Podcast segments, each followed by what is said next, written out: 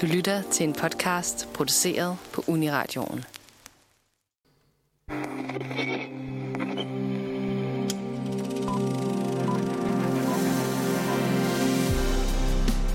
Godmorgen og velkommen til filmmagasinet Nosferatu. Måske jeg kan det hurtigt. Um, vi har overtaget for uh, Manfred i denne uge, uh, hvor vi simpelthen laver radio mandag til fredag. Nu er det så godt nok fredag, så vi er færdige uh, lige om to timer. Men uh, ja, vi, uh, vi kommer til at snakke lidt mere løst om filmen, vi, vi plejer at gøre. Det er ikke lige så planlagt, men altså, vi, vi er jo stadig nogle kloge hoveder, og vi er her primært for at hygge os. Så øh, velkommen til filmmagasinet Nosferatu.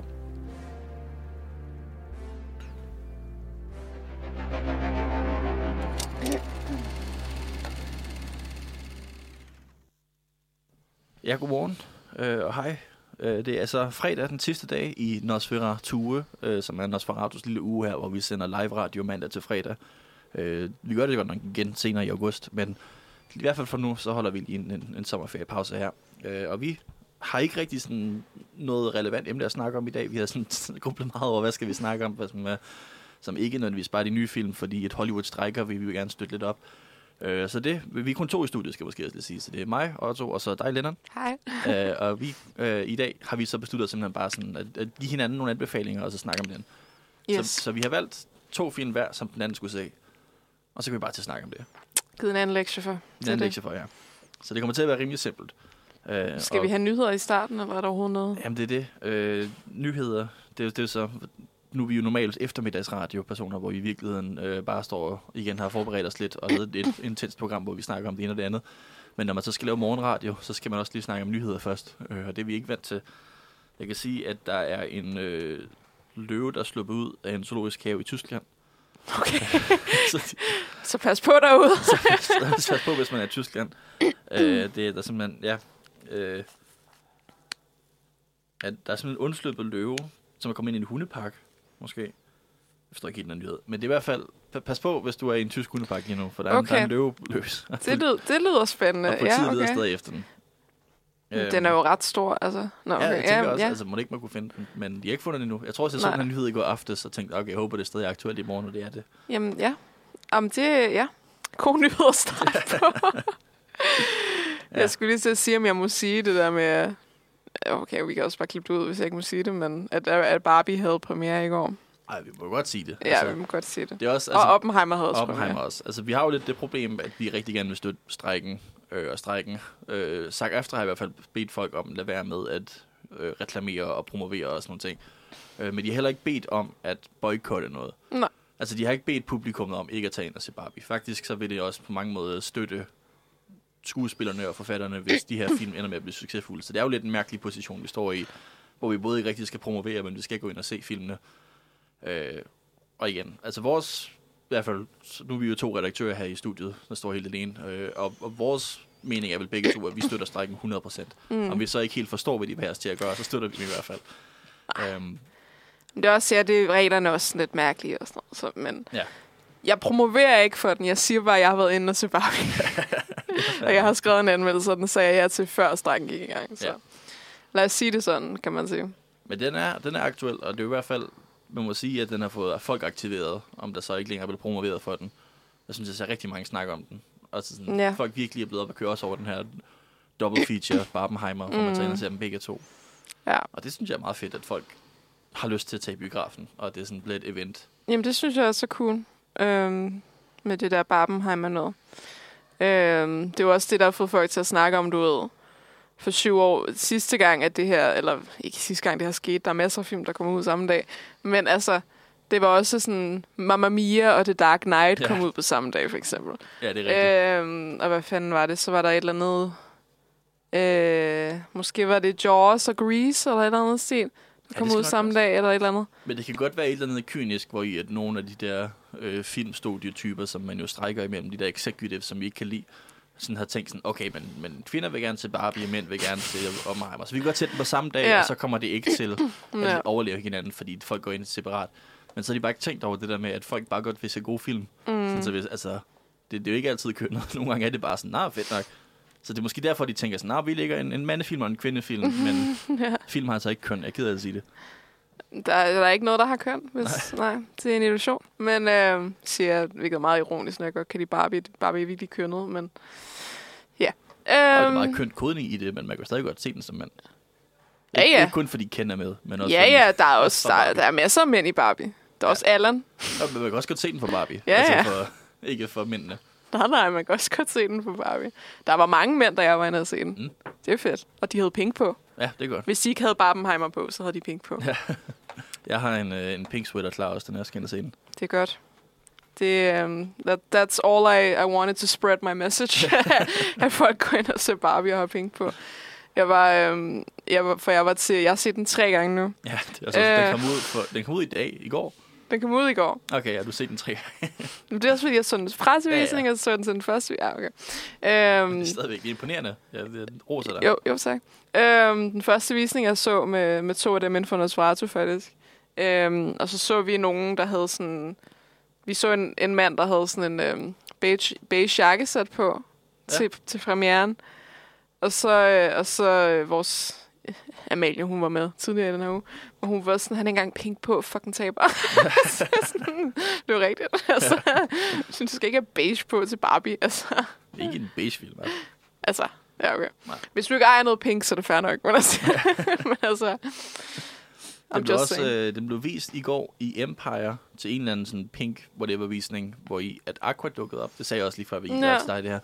Øh, det her med, at Aqua bandet, som har lavet Barbie dukkede op og sagde, at de blandt andet, at Empire Biograf tidligere har været et musikstudie, som var det musikstudie, hvor i de optog sangen Barbie Girl. Det er rimelig cool. Sådan, så man er simpelthen, øh, hvis man har været til den pressevisning, og jeg kender nogen, der har været derinde, så er man simpelthen kunnet sidde på samme række som René. Aqua, som René fra venner.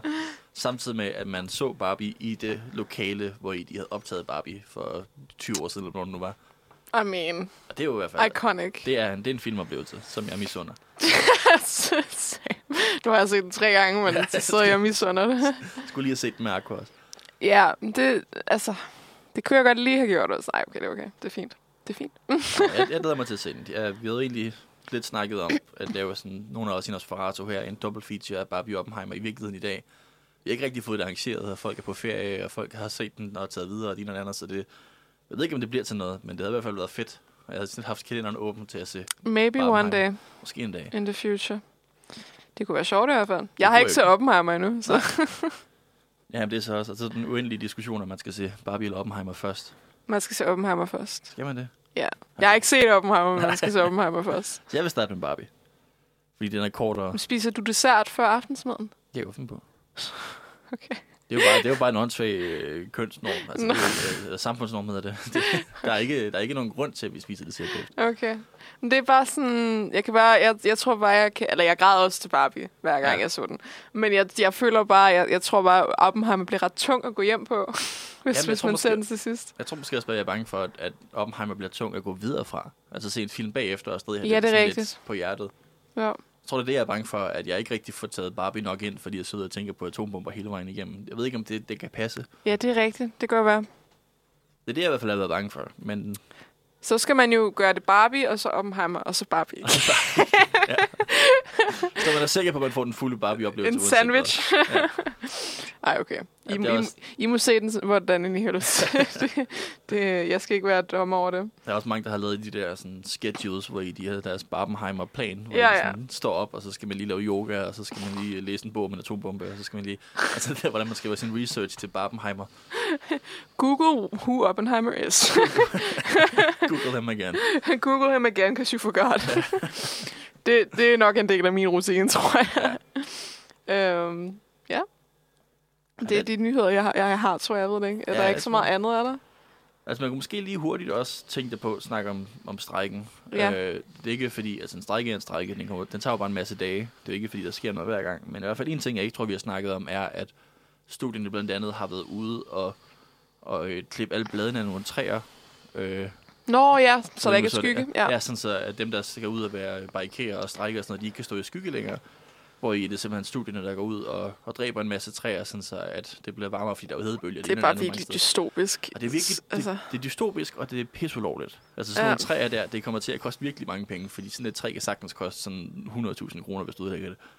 Altså tree law Bro. er en, en, en kæmpe industri. fordi det er sådan træer, fordi de tager så lang tid at vokse, det, det koster penge.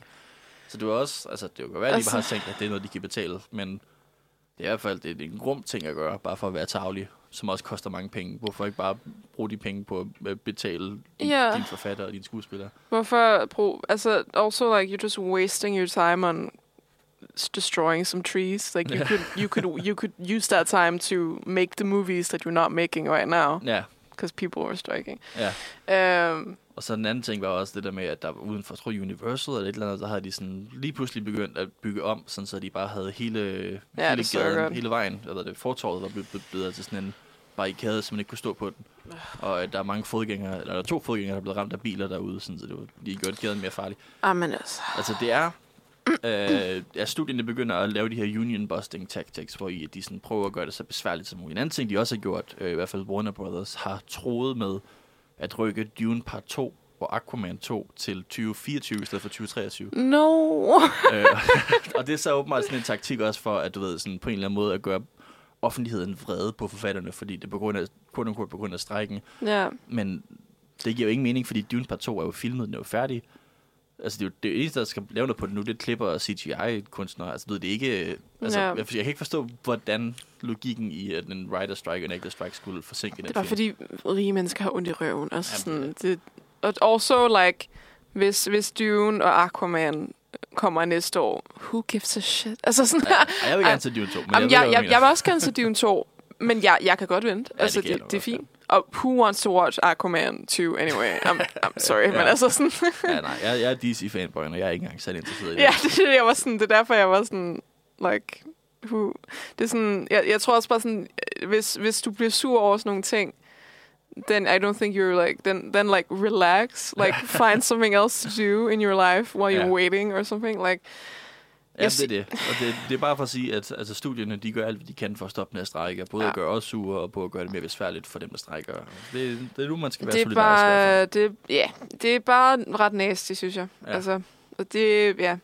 Og jeg forstår ikke, hvordan man ville kunne blive sure på, på skuespillerne og forfatterne, eller være uenige som, som forbrugere, som os. Fordi, like, they're working people. I mean, I know some of them are rich, like, Ja. richer actors, but, like, de strækker jo bare for bedre arbejdsvilkår, ligesom vi kan gøre. Altså, sådan, det er jo ikke... Ja. Ja, nogle af dem har ikke engang... No, altså, nogle af forfattere er hjemløse og sådan noget. De kan ikke, altså, de kan ikke betale deres regninger. Og det er sådan...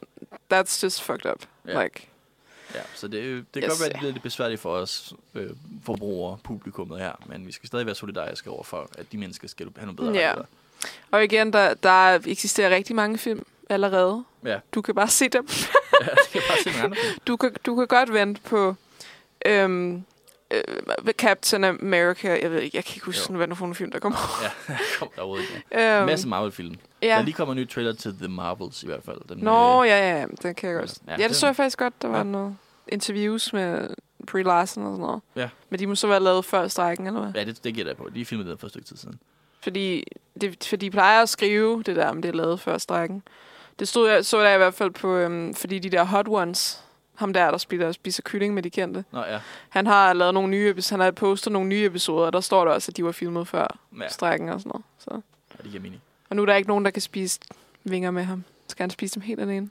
Jeg tror godt, man kan jo stadig godt, man må bare ikke promovere film. Nej, nej, det er Man det. må godt bare være derinde og spise en Der var en, en af forfatterne for Wi- Writers Guild, der var sådan, jeg vil gerne på Hot Ones, hvis jeg må snakke om strækken. Ja, det er var sådan, det synes jeg da er en det god synes jeg er idé. en god idé, ja. Det kan man da godt.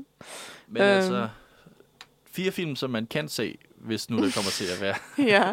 en, øh, et, lidt, et lidt hul i, i biografen her, nu hvor der ikke kommer så mange film ud, er jo de film, vi skal snakke om i dag. Mm-hmm. Øh, og som sagt, så tidligere i programmet, øh, så har vi jo besluttet os for at give hinanden to film som lektier, øh, som har været sådan et, dem har du ikke set, det kunne være sjovt at snakke om dem her. Øh, og jeg gav dig øh, Mad Max Fury Road, mm-hmm. som jeg er Mhm. lidt overrasket over, du ikke har set. For den tænkte jeg, at det på en eller anden måde var sådan noget, der kunne appellere til dig. Og så 12 Angry Men, mm-hmm. som Mhm. Jeg er faktisk ikke engang, altså jeg, jeg er kæmpe fan af Mad Max og Mad Max Fury Road. Jeg så 12 Angry Men for nyligt. Det er ikke engang sådan, jeg er en kæmpe fan af den. Altså ja, det er jeg, men for Mm. nylig fan. Det er ikke sådan nostal- nostalgisk overhovedet. Altså, det var noget af en dobbelt feature, jeg havde. Intens, ja. jeg startede med Mad Max. Ja, det synes jeg også. Det, det er så også, hvis man skulle lave en, en Maxenman, Maxman, Max, Max 12 Man. Angry Max, øhm, så vil jeg også starte med Mad Max, tror Ja. jeg. Og så har du givet mig nogle film, jeg ved ikke, om du Ja. selv øh, Øhm, jamen, jeg havde jo givet dig øh, Bedazzled. Ja. Og så, øh, øh, Brendan Fraser, ja, og så They Live, John Carpenter. Øhm, som også er to klassikere. ja, Jeg tror, jeg startede også med, jeg startede med Bedazzled, og så sluttede jeg på uh, They Live. Jeg ved ikke, om det, det var den rigtige, men det var i hvert fald det, jeg gjorde. jeg, jeg føler, den kan fungere begge veje. det tror jeg også godt. Men øh, ja, jeg er helt vild med de film. Ja. Ja. Øhm, jeg, havde egentlig, jeg ville egentlig gerne have fundet en gyser, som den anden, sammen med Bedazzled, men det er svært at finde gyserfilm på streaming, der ikke er sådan, der er sådan, der er sådan, er ældre end fem år. Ja. Og det er sådan, øh, jeg elsker, jeg, ja, mange gyserfilm, jeg elsker, der kommer ud i de sidste fem år, men jeg vil gerne finde lidt ældre en. Ja. Øhm, men de er ikke rigtig på streaming. Nej, det er rigtigt. Øhm, hvilket er lidt irriterende. Men ja, They Live den ligger bare på YouTube. Ja. Den er bare tilgængelig. Vi skal Yes. nok ikke, nok ikke promovere piracy her. Nej, jeg vil sige, det er ikke piracy, hvis den er på gratis streaming. Det er jo bare at se den. Jamen, Det er ja. ikke ulovligt at se. Altså, det er ikke Ja. ulovligt at bruge en, en, en gratis streaming-medie. Nej, Selv men det er mere bare, om den er uploadet ulovligt. Det ved jeg ikke. Nej, men det er, det er i hvert fald. Man må godt gå ind og se den der. Ja.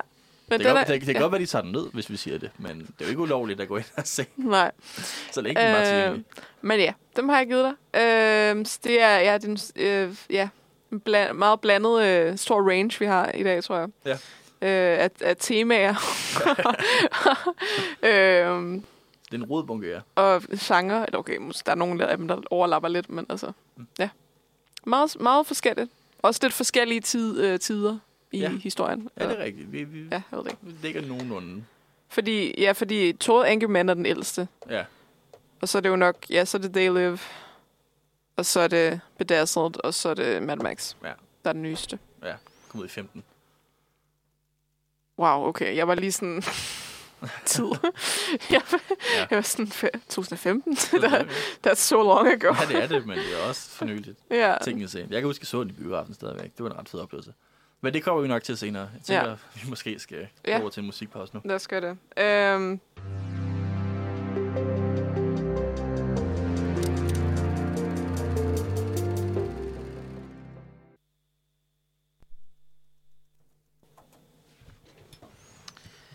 der var, tror du, er Johan Koldstrup. Um, vi skal snakke om uh, den første film, vi, jeg, har- jeg har valgt til dig måske. Eller vi har valgt. Um, They Live, They Live, uh, instrueret af John Carpenter. 1988. Yes. Det er lige øh, i, i The Golden Age of Carpenter. Jeg havde ikke set den her før. Øh, men jeg har set en mængde Carpenter-film, og ved, ved også en del om ham. Ikke sådan, jeg er ikke en ekspert, der er mange, der er helt dybt ned i Carpenter Law, men jeg er i hvert fald ret vild med The Thing. Øh, så det var også det var en, det var en fornøjelse at få lov til at se den her egentlig. Øh, og også altså på en måde, hvor at man ser den altid lidt anderledes, når man ved, at man skal snakke om den. Altså det der med at sidde og, og tænke over den. Øh, og det, det er sådan... Altså, hvad, hvad jeg elsker ved John Carpenter, mange ting, jeg elsker ved John Carpenter, men en af ting, som der både er med den her Over the Thing, er, at han sådan, tydeligvis er meget, meget glad for sådan, de der 50'er paranoia gyser science fiction film. Hvor altså The Thing er jo et remake af The Thing from Outer Space.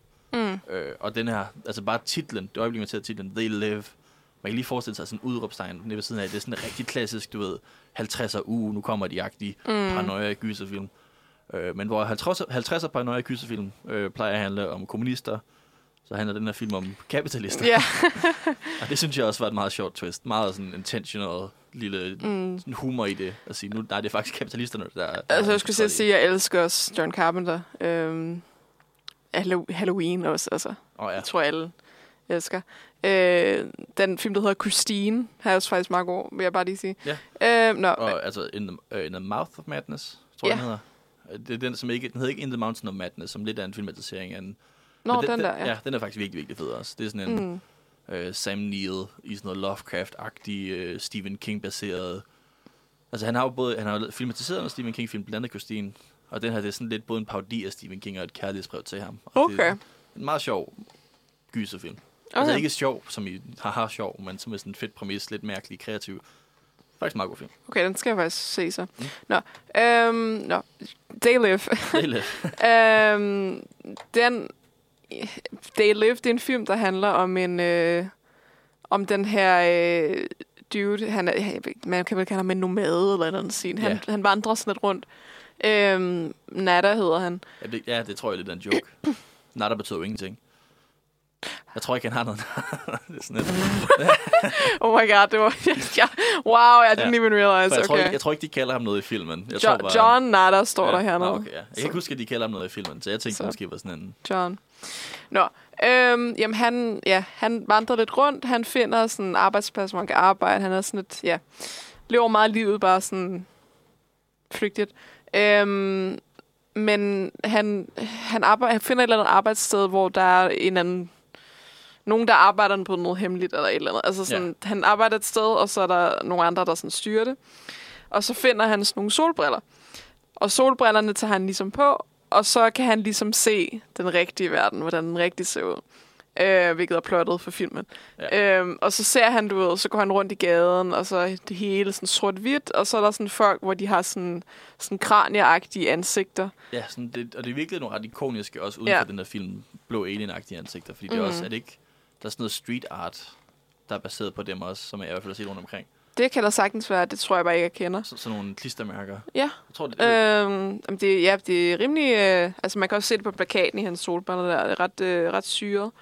Øhm, ja, hvor han så går rundt, og han ser de her mennesker. Han er sådan, what is happening? Hvad sker der? Øhm, og så er det sådan den her scene, øh, hvor han står ved sådan en magasinsælger eller et eller andet. Øhm, hvor han ser det her alien agtige person, og så er der de her, øh, de her magasiner, hvor det normale magasiner er normalt, Ja. men når han tager brillerne på, så er det bare sådan nogle hvide hæfter, hvor der står, do not question authority. Uh, consume, consume, stay asleep, ikke? ja, Øhm, der er alle mulige sådan ting ja, også. Der er også der, de der billboards der og sådan noget, hvor der Ja, bare står, præcis. stay asleep, consume. Og der er en af dem, hvor det er sådan, du ved, i den virkelige verden uden solbriller på, så ser han, så er det sådan en halvnøgen dame, og så Ja. tager han den på, og så står det bare sådan, reproduce. ja. Øhm, så ja, det, så det er totalt, ja, totalt det secret capitalism, the aliens are, ja. are doing it. Og de to ting, som jeg virkelig elsker ved de der briller der, to detaljer, som jeg synes er virkelig fedt, er, at for det første igen det der med, at det, det føles meget som sådan 50'er throwback. Altså det er, det er sådan en 80'er film, og der er sådan virkelig godt 80'er soundtrack, og sådan virkelig... Altså det, det foregår i Los Angeles, men det er virkelig sådan grungy, og det hele er bare, du ved, sådan rodet og masser af biler og de noget Øhm, og så det øjeblik, de tager brillerne på, så får det en helt anden æstetik. Altså når man ser de der sort-hvide klip, så ligner det sådan en 50'er film med Mm. lidt mere primitive special effects, og med en helt anden sådan, altså, jeg ved ikke, om de har gjort, altså sådan, hvad, produceret filmen på en anden måde der, fordi den måde, det sådan, fanger lyset ser så anderledes ud, anderledes ud. Og det passer virkelig godt, det der med, at når han tager dem på, så er han i sådan, igen 1950'er paranoia-film. Og så den anden ting, er, jeg rigtig godt kan lide, at ham her hovedrollen, at det øjeblik, han finder ud af, at der er aliens, og de har overtaget verden, jeg tror, det går to minutter, så har han en shotgun og begynder at skyde dem. altså, han er så fucking simpel. Han er simpelthen, der er ingen, altså, der er ikke en nuance i ham. Han er simpelthen den mest todimensionelle karakter. Sådan det øjeblik, han finder ud af, at der er et problem, så begynder han at skyde på det. Og det synes jeg, det virker så godt. han, er så, han er så utrolig pragmatisk, og han er så simpel og sjov, og bare sådan, Jeg virkelig var sådan, who's gonna win in a fight? A million aliens or a man with a gun? præcis. Og det er Um, virkelig bare sådan, altså det er, øh, som jeg også lige nåede at snakke om, før vi gik live, det er Roddy Piper, som er en af de tidligere sådan, wrestler turned actors. Han var en stor, ja, jeg ved ikke, det, jeg er ikke en største wrestler-fan, men WWE-agtig wrestler-type, som så blev skuespiller. Han har ikke lavet så mange andre film med den her. Men han er sådan et kæmpestort muskelbrød, der er rundt i...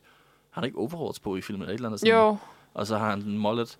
Og han er virkelig bare sådan, du ved, American working class, simpel ja. fyr, der bare sådan, okay, jeg drikker en øl, jeg sidder og ser en film, eller jeg sidder og ser, du ved, mit, tv, min kasse-tv, og whatever. Altså sådan en virkelig simpel mand, som der bare det øjeblik, han opdager, at der er den her sådan rimelig eksistentielle trussel, så er han sluttelig bare, okay, så begynder vi at smadre det. Nu skal du dø. ja. Men I respect that. Altså, Ja, jeg sådan, synes virkelig også, det virker. øhm, ja, jeg synes bare, jeg synes bare, den er ret fed, især fordi at den er meget kommunistisk. og det er især også det her med, at du siger, at, øh, at nogle af de gamle film, der var det meget sådan, at kommunismen, det var det, var det farlige. Men Ja, nu har det Kommer sådan, ja. infiltrere os. Men nu, nu er det kapitalismen, der ligesom, ja, at det er aliens, der har, der har skabt kapitalisme. jeg vil dog sige sådan, fordi jeg, jeg, jeg synes, den er rigtig sjov, også fordi jeg var sådan, jeg sad og så den, og så var jeg sådan, fordi det er et godt koncept, men jeg var sådan, men hvorfor køber aliensen de der magasiner? Altså, det er Ja. fordi, de kan lide kapitalisme, men sådan, Ja. Men det er jo ikke dem, der skal læ- læse dem. Eller jeg ved det ikke. Jeg forstår Ja. ikke rigtigt. Men jeg tror heller ikke, altså jeg tror ikke, logikken er vigtig her. Nej. Det er også, altså, Og jeg synes bare, den, jeg synes bare, den er virkelig griner. Den er virkelig... Øhm, jeg synes, det er et fedt koncept, og altså, virkelig sådan også meget self-aware. Øhm, Ja. Også fordi i slutningen... Øhm, spoiler, det folk får at vide, at der er aliens. I don't know. Nej, ja, ja. Øhm, hvor hvor det, det, i slutningen af det ligesom bliver opdaget, at der er aliens, og alle kan se dem. Øhm, hvor der er sådan et, de der tv, der, der skifter kanal, for der er jo alle de der reklamer med de forskellige aliens, som også bare er mennesker, eller forklæder sig som mennesker, øh, hvor, hvor en af dem er sådan en, en nyheds, sådan lidt deadline-agtig øh, sekvens, hvor der er en alien-mand, der bliver interviewet, og så snakker han om et eller andet. Han var sådan, oh, those, uh, those, uh, hvad hedder det, those fakers like John Carpenter and George Romero. Ja. Var sådan, ja, det er virkelig, uh, det er virkelig cool, synes Det jeg. var, det, det, jeg tror, det er den mere direkte sådan, fuck you til Ja. øh, Gene Siskel og Roger Ebert, som mm. Var de der sådan, to meget store amerikanske filmkritikere, der havde tv-show, hvor de sad og interviewede hinanden. Ja, Og jeg tror, det der, de måske givet ham nogle negative anmeldelser, og så siger bare i den her film, "Nå, de er nogle aliens, så de forstår ikke, hvad der foregår. ja. Og det er også bare, altså det, det, det er også en ting, som jeg altid har rigtig godt kunne lide ved John Carpenter, fordi han er sådan en, en han har det bedste efternavn til, hvad han er, fordi han er bare en håndværker. Altså han er simpelthen, han er virkelig, virkelig dygtig filmskaber. Men han er også bare så simpel og så direkte i hans filmsprog på en. Mm. måde, som jeg savner lidt i dag nærmest. Altså sådan, og det er også en ting, som man ser i, øh, i hans soundtrack generelt. Altså han, han, er, han har nogle meget ikoniske soundtracks, altså også til soundtracket til Halloween og det ene og det andet. Han har også lavet soundtracket her til den her. Og det er så rytmisk og simpelt og effektivt. Altså det er sådan, det, det behøver ikke være mere end det her. Og det, det virker virkelig godt, den måde. Også altså specifikt til den her film, den måde, han, hans filmsprog er så direkte. Og aldrig, altså det er aldrig teatralsk, det er aldrig sådan fløde. Der er ikke nogen, altså der er ikke nogen store følelser på spil. Mm. Men der er altid spænding, og man forstår altid godt karaktererne. Så det er, sådan, det, det er kun godt filmsprog. Men det er jo bare crazy at se, hvor meget, sådan, ja, hvor meget virkning han har haft på, ikke kun horror-genren, øh, men sådan, ja, film generelt, ikke? Ja. Øh, og hvor meget, ligesom, specielt The Thing og Halloween selvfølgelig, har, øh, har influeret alt andet, alle andre medier siden da. Ja. Øh, hvor They Live er jo nok mere en af hans mere undervurderede værker, vil jeg sige. Øh, så det synes jeg bare, men jeg synes, den er virkelig fed. Jeg synes tror, jeg også. altså, jeg tror, det er min yndlings Carpenter, hvis jeg skal være helt ærlig. Ja. Øhm, jeg elsker også Halloween og The Thing, obviously. Nej, det, men det, det, Øhm. det, det, det, altså det er altid godt at have en, en filminstruktør, hvor i, man ikke bliver sur, når, når folk har en anden yndling end en. Men han er, jo, han er jo egentlig meget universel, er han ikke? Altså sådan, jeg føler, at de fleste vil kunne lide et eller andet, han har lavet. Jeg tror, jeg tror netop godt, at mange vil kunne... Ja.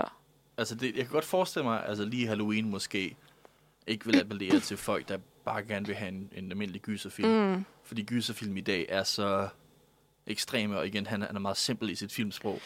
Men det er det, Altså- der, det, det, er jo, det er jo det, der vil, altså, det er jo det, der vil irritere mig måske. Hvis Ja. sådan, fordi du ved, alle de, de, de, the majority af ting, der er i gyserfilm nu, det er noget, som du skal kreditere ham for. Ja. Altså sådan, Men det er bare, det er alt sammen blevet Ja. heightened, det er alt sammen blevet ja, så stort nu. præcis. Så det der med, at den er så simpel, altså det, det er jo virkelig effektivt. Det er sådan altså, fantastisk atmosfære i den film. Mm. Men jeg tror, at, at problemet er, hvis man sådan, gerne vil se en gyserfilm, man kan være lidt mere passiv til.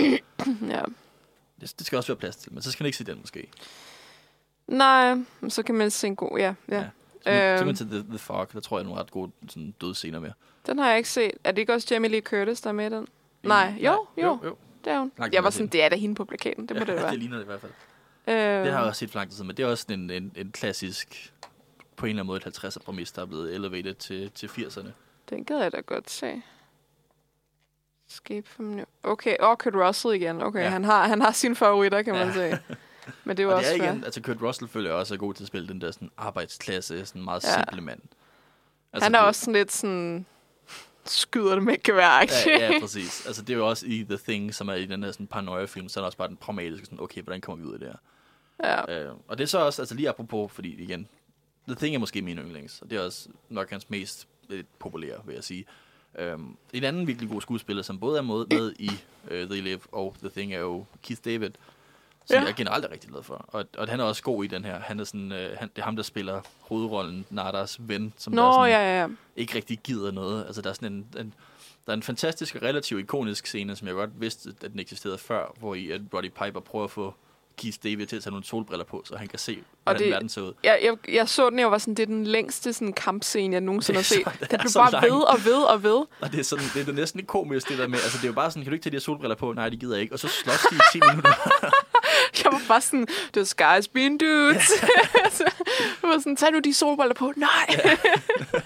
Og det er en virkelig fed scene, men det er også bare så altså, åndssvagt og overdrevet. det var virkelig sjovt, og det var sådan, det, jeg var bare sådan, stopper den ikke snart? Altså sådan, det er halvdelen af filmen. Og den fortsætter bare. Ja, det er, det er virkelig, for det er en kort film, og Ja. det er en 10 minutter lang action scene, så det er også bare... Det, Priorities, altså. Det er, Ja. meget- det er en tiende del. Øhm, ja, det, jeg synes, ja, jeg synes om, altså det er jo meget satirisk film, ikke? Ja, er helt Øhm, så synes jeg er ret fedt. Øh, det er ikke en decideret, jeg, jeg vil heller ikke kalde den gyser. Nej, okay, science fiction, action. Ja, det er sådan ikke skræmmende, men der er jo måske Nej. lidt gyser præmis i... Altså, det kunne have været mere skræmmende i hvert fald. Ja, ja det altså man kunne, ikke klart, man kunne ikke klart have gjort det skræmmende, Ja. men her er det bare sådan totalt sindssygt. Ja. Øhm, Og det er så også, altså en lille detalje, som også du en ting, jeg vidste om den der film før, som jeg også synes, man skal nævne, er, at der er mange, altså den er blevet anklaget for at være antisemitisk af antisemitter. Altså folk, der ikke kan lide jøder, synes, det er en fed film, fordi der er jo den her, stereoty- der er jo den her øh, fantasi om, at jøder kontrollerer hele verden og gør det for penge. ja, Øh, og det er lidt det, sådan- altså den her film handler jo om nogen, som der er grådige i at kontrollere hele verden, og Ja. som styrer medierne og sådan noget. Og John Okay. Carpenter har været ude at sige, altså den handler om Ronald Reagan, fuck ja. Yeah. ja, Det ja. handler ikke om jøder. Så det er bare lige vigtigt Altså- at sige, at man, ikke, man skal ikke læse den her Nej. på den negative Altså, det er også det som nu- nogen vælger at gøre. Og nu vil jeg sådan, jeg er ikke jøde. Jeg skal ikke udtale mig om, om jøder har det sådan. Men altså, men den, den, den, den ideologi, som de her folk, der ikke kan lide jøder, taler til, det er jo det der med, at, du, at, at det der lizard people-teorien. Ja. Og det er jo, ja, og det er jo en, en tydeligvis antisemitisk teori. Her er det jo sådan nogle aliens, der ligner, de ikke har noget hud. Altså, det er jo ikke... Ja, ja. Ja.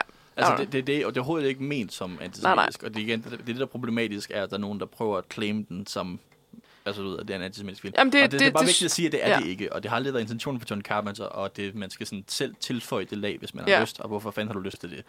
Altså, jeg, det synes, det, jeg synes, det er vildt, at, at det er sådan, jeg har ikke set eller hørt den idé om den, før at, at du sagde det, og det så kommer fra, fra netop antisemitiske mennesker, ikke? Nej, ja. Ja, that's Nej, kind of crazy. Jeg har i hvert fald hørt det fra John Carpenter, som var ude at sige sådan, nej, det handler kun om, hvor meget jeg hader Ronald Reagan og hans Ja. ja. økonomipolitik. Det synes jeg også er rimelig obvious. Ja, det synes jeg også, men det er igen, Ja. ikke alle, synes det. Øhm, se, det var det, jeg spurgte om. Why are the skull aliens still buying magazines and groceries? Det stod lige der. Det er der boks den med altid. øhm, Bare lige til uh, lytterne derhjemme. altså, ja. Det er ja. Ligesom det der realize, realize, realize. øhm, ja. Ej, det er, jeg ved ikke, hvor meget klogt jeg kan sige om den her film. Jeg synes bare, den er virkelig fed. Øhm, og ja, at, at det er sådan... Det er sådan lidt zombie-apocalypse-agtigt. Øhm, Ja. Og det, jeg synes bare, at, øh, at den måde, som... Altså, den, den filmskaber, som John Carpenter er, synes jeg virkelig fungerer med, med den idé. Ja. Øhm, og den er bare virkelig sjov. Altså sådan... Den, den er sjov og god, og sådan, der, er- der, er så- altså, der er så meget, det er ikke sådan en film med virkelig meget kød på, altså også i hvert fald hvis man tænker sådan narrativt og øh, metaforisk og sådan noget, den er meget obvious i, hvad den siger, og hovedrollen er en, en papkarton. Men, men den, altså, den har bare igen så mange fede ting, den vil, og ikoniske øjeblikke, og jeg synes også, den har en virkelig god struktur, for jeg sad også på tænkt på et tidspunkt sådan, okay, du ved, hele Amerika er blevet indtaget af de her aliens, som er sådan nogle Reaganites, der bare gerne vil køre profitkapitalisme, whatever. Hvordan fanden kan den løse det her? Fordi der er sådan 20 minutter tilbage. film. Og jeg synes, den kommer på en meget god løsning. Det der med, at, at den slutter ikke med, at problemet er løst. Den slutter med, at vi vågner op og kan se problemet. Mm, ja. Og, det, og det er også bare sådan en ting, hvor igen, at han har sådan en virkelig god pragmatisk sans, John Carpenter, sådan, for hvordan det film skal fungere. Altså, det er, ikke, det, er- det er aldrig overflødigt. Det, det er kun sådan, det er det, der er brug for, og ikke mere. Og det, ja. altså... Jeg tror også, jeg ville blive træt af det, hvis det kun var det, jeg så. Men jeg synes virkelig, når man ser så mange film i dag, som har de der store følelser, Mm. og så komme tilbage til det her film, sådan, nej, det skal bare være simpelt, det skal bare være godt. Det skal bare lave, hvad der er brug for. Make movies simple again. øhm, Ja, det er lidt synd, han stopper med at lave film igen. Men det er så også, fordi der er ikke nogen af hans film, der tjent penge i biografen. Han blev ved med at lave film, som der sådan klarer sig virkelig dårligt, og så 20 år efter blev det et kult hit. Og man, sådan, man kunne ikke have blevet fan af den for 20 år siden, yeah. så få nogle penge for det. det er det. Åh, John.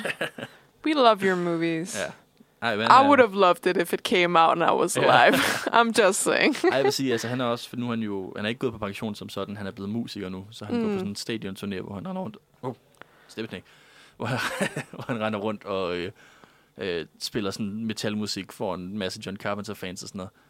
Han spiller sådan covers af metallica Ej, jeg vil gerne se John Carpenter live. Jeg lytter Ja. ikke engang til metal, men jeg vil gerne se John Carpenter. Og det synes jeg også bare, altså fordi det, han, han er stor fan af Metallica. Jeg tror også, der er en Metallica-sang med i øh, Mouth of Madness og sådan noget. Altså, der er i hvert fald måske i lyder som Metallica, eller et eller andet af den stil.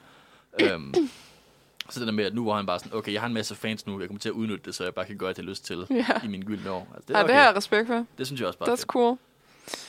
Jeg ville ønske, at man lave bare en sidste film. Han laver soundtracket til den nye Halloween-film. Altså de tre sidste har han jo vist gjort.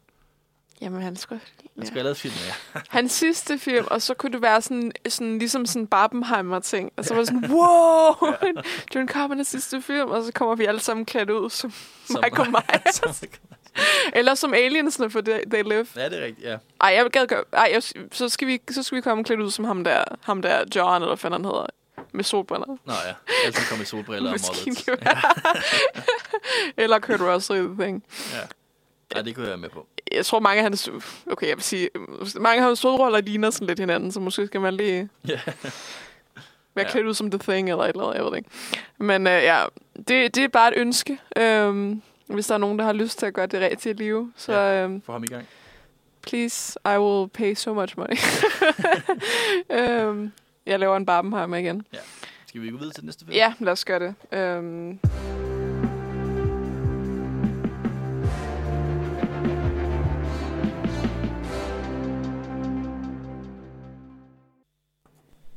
Sådan der. Alright. Vi skal til en endnu ældre film nu, end uh, They Live. Det er simpelthen tilbage i tiden. Ja. Og så skal vi frem i tiden igen. Wow. Ja. Back to the future. Nå, øhm, det var bare en reference, det var ikke en promovering. Øh, øhm, vi skal snakke om øh, de, den ene film, som du gav mig at se. Øh, 12 Angry Men. Ja. Som er fra 1957. Ja, 67, Ja. ja.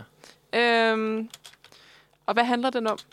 Ja, altså den handler om 12 sure mænd.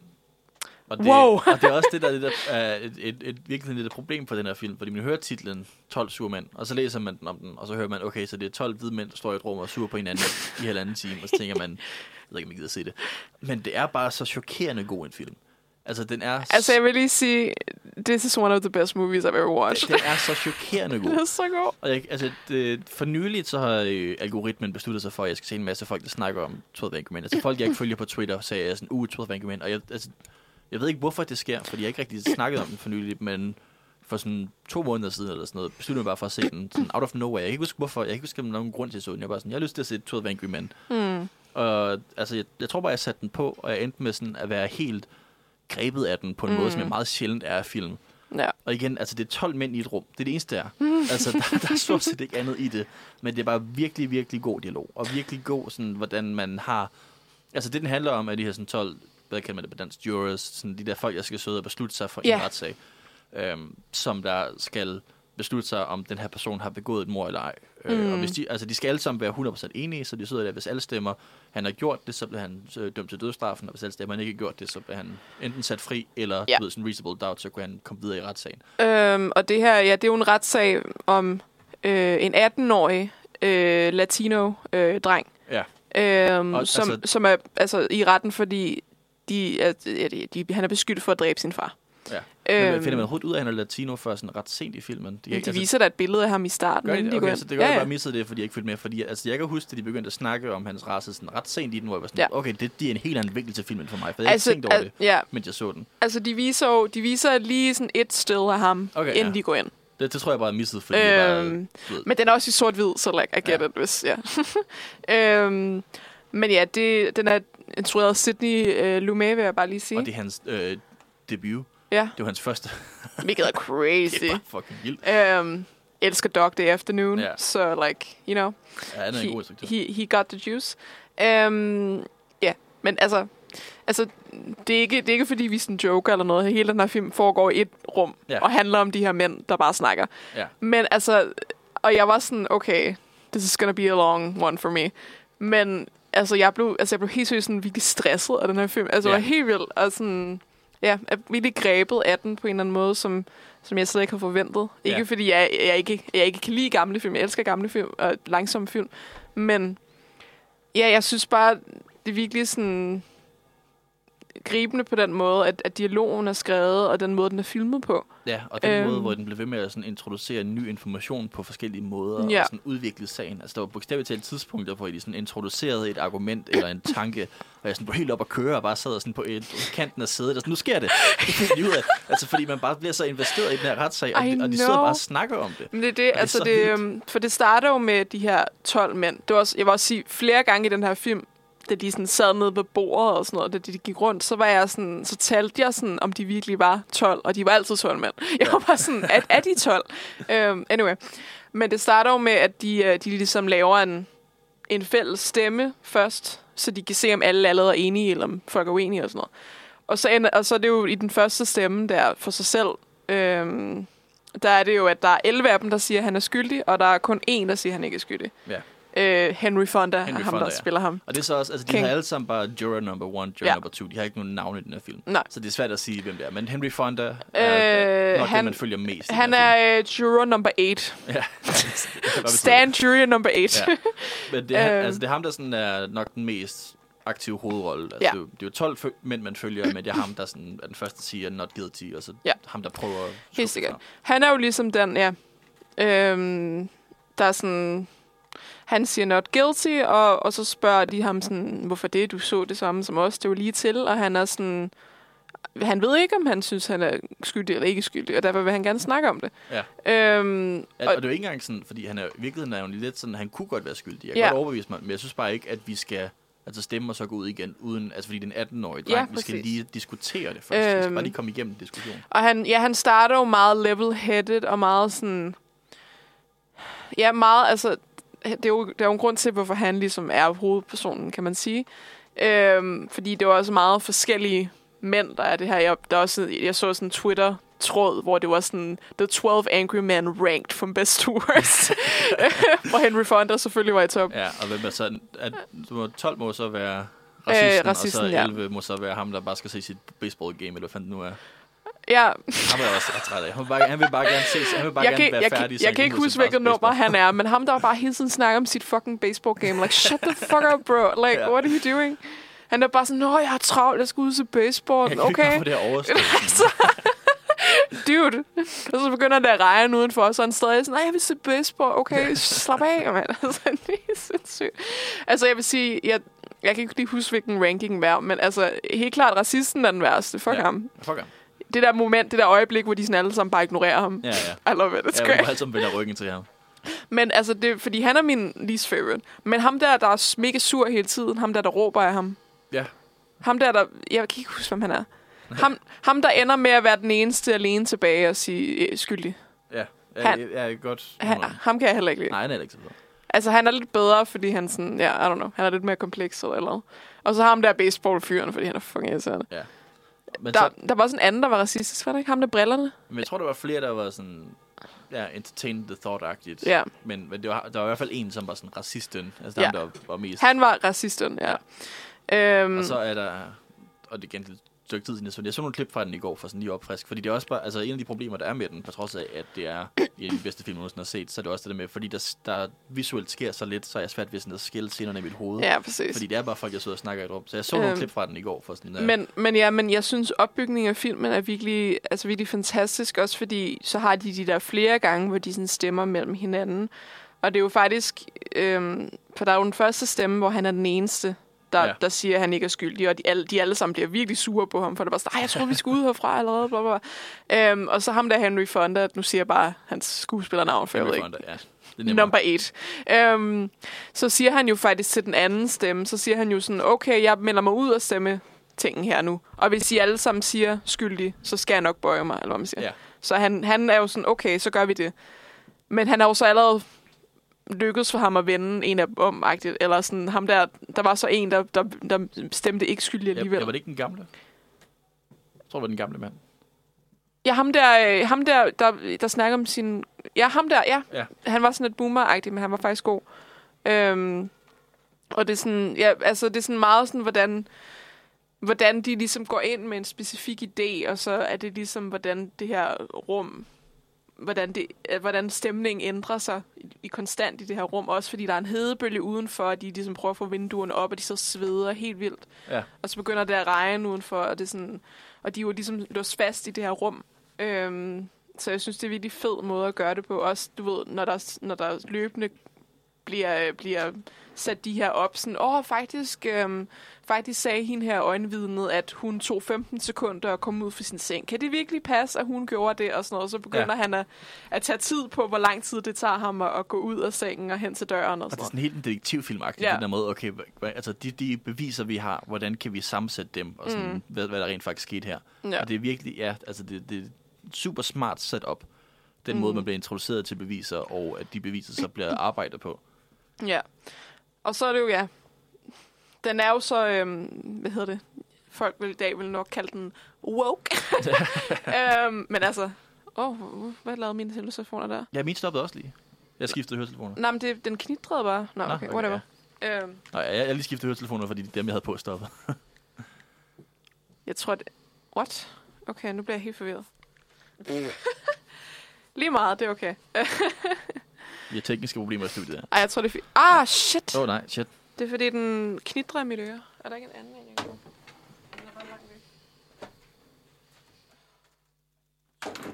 er. Jeg bruger bare den. Whatever. Okay. er sådan fucking matter. Måske kan vi løse det i pausen. Uh, anyway. ja, jeg tror, jeg kan høre mig selv. Ja, det kan jeg. Jeg kan i hvert fald høre dig. Så Super, er, godt er nok. på. Uh, hvad jeg skulle sige var, um, den er woke. um, ej, det er fordi, den adresserer jo direkte altså sy- sy- systemic racism, sy- systematisk racisme og xenofobi og øh, den her maskulinitet, som de alle sammen går rundt med. Ja. Øhm, Og så i virkeligheden også, altså en ting, som jeg så nogle andre komme med en kommentar på, netop det der med, at algoritmen besluttede sig for, at jeg skal se en masse folk snakke om 12 Angry Men, hvor det er med, på det her tidspunkt, så kunne kvinder ikke være medlemmer af juryen, og sorte mænd kunne teknisk set godt, men der var også nogle juridiske ting, der gjorde, at de aldrig var. mm, Øh, altså, du ved, sorte farvede mænd i virkeligheden, altså sådan people of color. Øhm, og, det, og det er så det der med, at den i virkeligheden også på en eller anden måde handler om, at, at det bare er de her sådan 12 hvide mænd, der sidder der, og sådan bare alle sammen var klar til at stemme givet til, fordi de ikke, altså der er ikke så mange perspektiver på det. mm, Og det var så der, hvor at han så netop, Henry Fonda, som jo ikke engang i starten af filmen var særlig overbevist om, at, at han rent faktisk var uskyldig. Men bare sådan, vi, jeg synes lige, vi skal snakke om det. Det er virkelig det, han sagde. Og det der med, så finder de ud af, at de har nogle forskellige perspektiver og idéer, og sådan, altså, det, altså at den i virkeligheden på en eller anden måde også kritiserer den der sådan, ensfoldighed, hvor vi alle sammen opfører os på samme måde, og det så skaber altså en, et, et samfund, hvor man var klar til at dræbe en 18-årig, uden at vide, om man rent faktisk var skyldig. Og man, altså, den 18-årige ville jo dø, mm. hvis de bare stemte skyldige. Og de var alle sammen bare klappe sig sige, ja, ja, videre. Øh, og det er jo også det, som den på en eller anden måde kommer ind på. Altså, den, den snakker jo ikke direkte om kvinder, men det faktum, at der ikke er nogen kvinder med, siger jo også et eller andet. Altså, at der ikke er nogen, der sidder her, og, og at der er ikke nogen perspektiver. Der er alle ens. Øhm, Jamen, det er det. Altså, jeg tror også, det er sådan... Ja, jeg synes bare, det er virkelig... Altså, for sin tid er det også bare virkelig... Virkelig crazy, ikke? Altså, sådan... Jeg, jeg tror måske også... Lidt trist, at det sådan stadig er relevant i dag-agtigt. Øhm, Ja. Noget af det.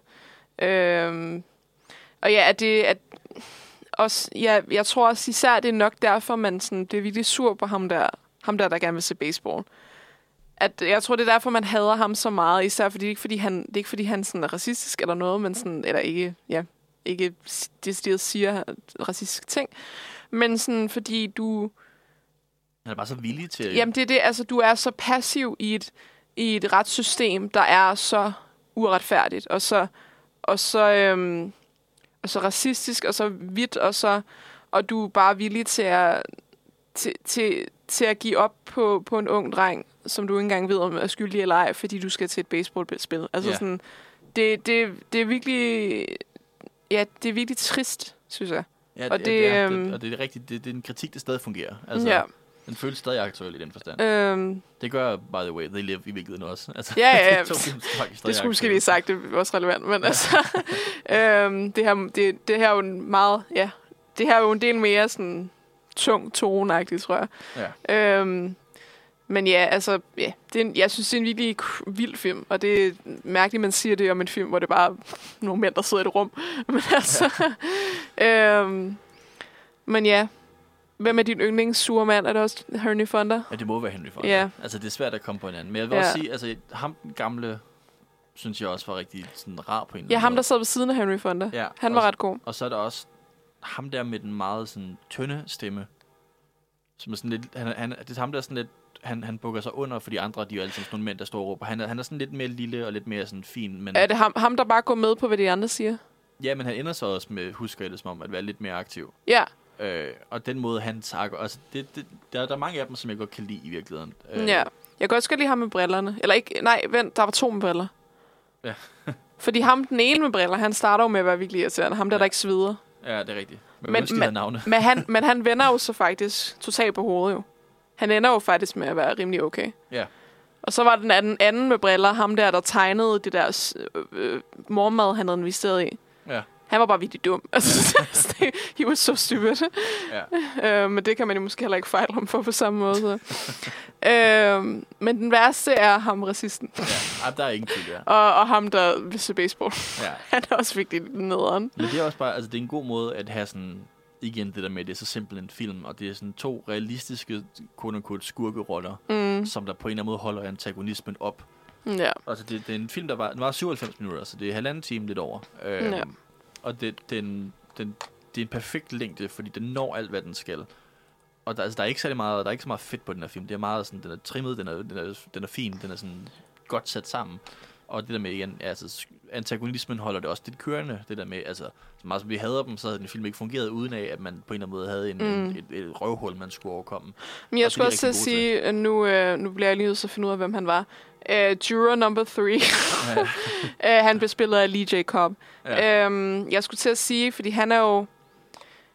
Ja, han, han, han har sådan en scene, hvor han bare råber dem alle sammen, og han er virkelig sådan frembrusende og sådan noget. og Han, man, man kan jo selvfølgelig heller ikke lide ham, men han fungerer jo bare især godt, fordi, fordi han, er så, han sidder længe så fast i hans, i hans idé om, hvad, hvad, hvad sagen er, og hvad verden er, ikke? Ja. Og han, og han ligesom...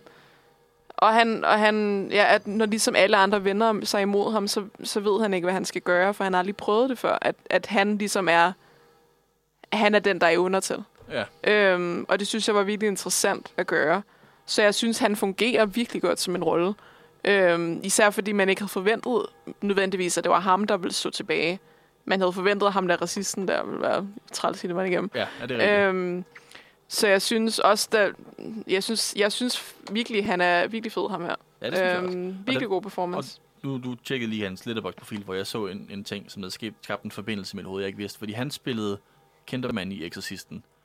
Øhm, Når øh, som er det detektiven? Ja. Ja, ja, ja. Øh, og en af de film, som jeg faktisk har anbefalet, at du kunne se i dag, men som vi ikke rigtig kunne finde på streaming, øh, den var på Netflix, men du havde vist ikke Netflix, Mm, var Exorcisten 3, mm, hvor i at den samme karakter, den samme politibetjent, blev spillet af George C. Scott. Og George C. Scott spiller den samme jura i remaket af 12 Angry Men. Wow! Og det vidste jeg ikke før nu, før jeg lige så det der. Så det er simpelthen... Øh, og de ligner også ret meget hinanden, og de har ret meget den samme sådan... Whatever. Er der et remake? Der er et remake af den, øh, som faktisk også, apropos øh, remaket, er instrueret af William Friedkin, der er instrueret Exorcisten. så, der, er- Wow, der, der, der, er et, okay. der er et multivers i gang her. That's crazy. 1997? Ja. Der er et remake Øh, jeg har ikke set den endnu, men jeg vil gerne se den, fordi det er også det er et ret fedt cast. Altså, det er sådan James Gandolfini, som spiller Tony Soprano, er med i den. Øh, Wow, okay. Ja, ja, og det er sådan, jeg vil gerne se den, fordi det også, altså, den handler jo så meget om skuespillerne. Jeg kan ikke forestille mig, at den er lige så god, men, Nej. men alligevel også nysgerrig på at få den set. Jeg vidste slet ikke, det var et remake. Det var da Ja. sjovt. Men så igen, det der med, at, at der var en forbindelse med, med ham, ham, den jura der. Ja. Den er da egentlig, vildt, den er da egentlig fine anmeldelser alligevel. Men altså, jeg tror også, at William Friedkin er jo også en- på meget, på mange, mange måder en passende person til at lave et remake af den. Ja. Altså, det er ikke sådan et, lad os cashe ind på det remake, forestiller man, når det Altså er ham. her er det jo så, her er der, her er der i hvert fald, Ja, en sort mand med. O.C. der er Davis. to sorte mænd faktisk. sorte Tre. mænd, ja. Der er det ikke kun hvide mænd. Men det er så også, hvis den foregår i 97, så giver det mening, at nu er vi lidt længere. Der er det ikke, ikke kun hvide, hvide sure mænd. Ja. Ja. Nu kan alle være sure. Det kan alle være sure. Men ja, der, vi nåede ikke at snakke om den i dag, men jeg vil også lige anbefale Exorcisten 3. Man behøver ikke at se Exorcisten 2 for at se den. Faktisk så vil jeg anbefale, at man ikke ser Exorcisten 2. Okay. Øhm, men Har du, har du 3 set, der kommer en ny Exorcist-film? Ja, Exorcist Rebirth eller et eller andet sådan... Ja. Ned, jeg så, jeg, Jeg, kan ikke, jeg så bare plakaten for den. Ja. Jeg ved, ikke, jeg ved ikke, hvad den hedder. Ja, jeg tror ikke, jeg tror ikke det bliver noget.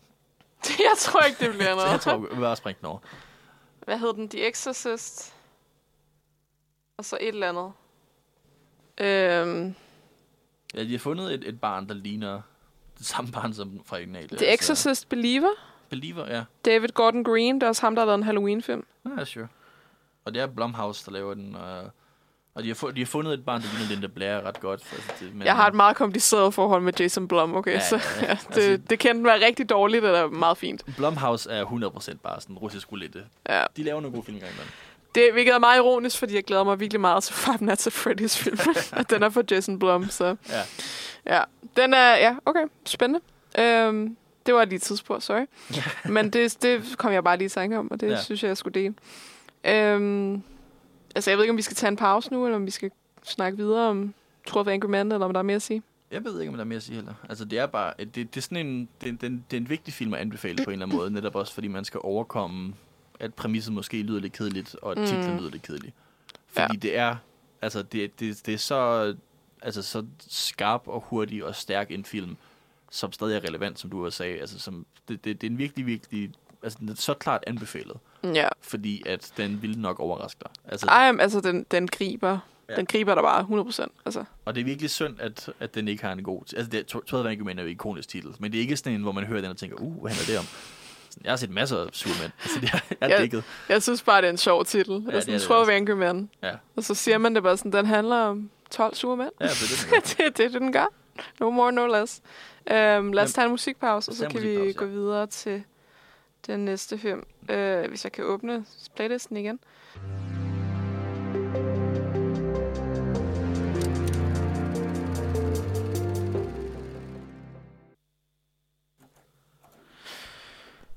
Alright. Vi skal snakke om den anden film, jeg har valgt. Ja, Øhm, også en klassiker. nu skifter vi totalt tone. vi har lige snakket om kommunisme og racisme og så videre og så videre. Nu skal vi snakke om uh, Brendan Fraser. Og jeg kan sige, at den handler jo lidt om sexisme.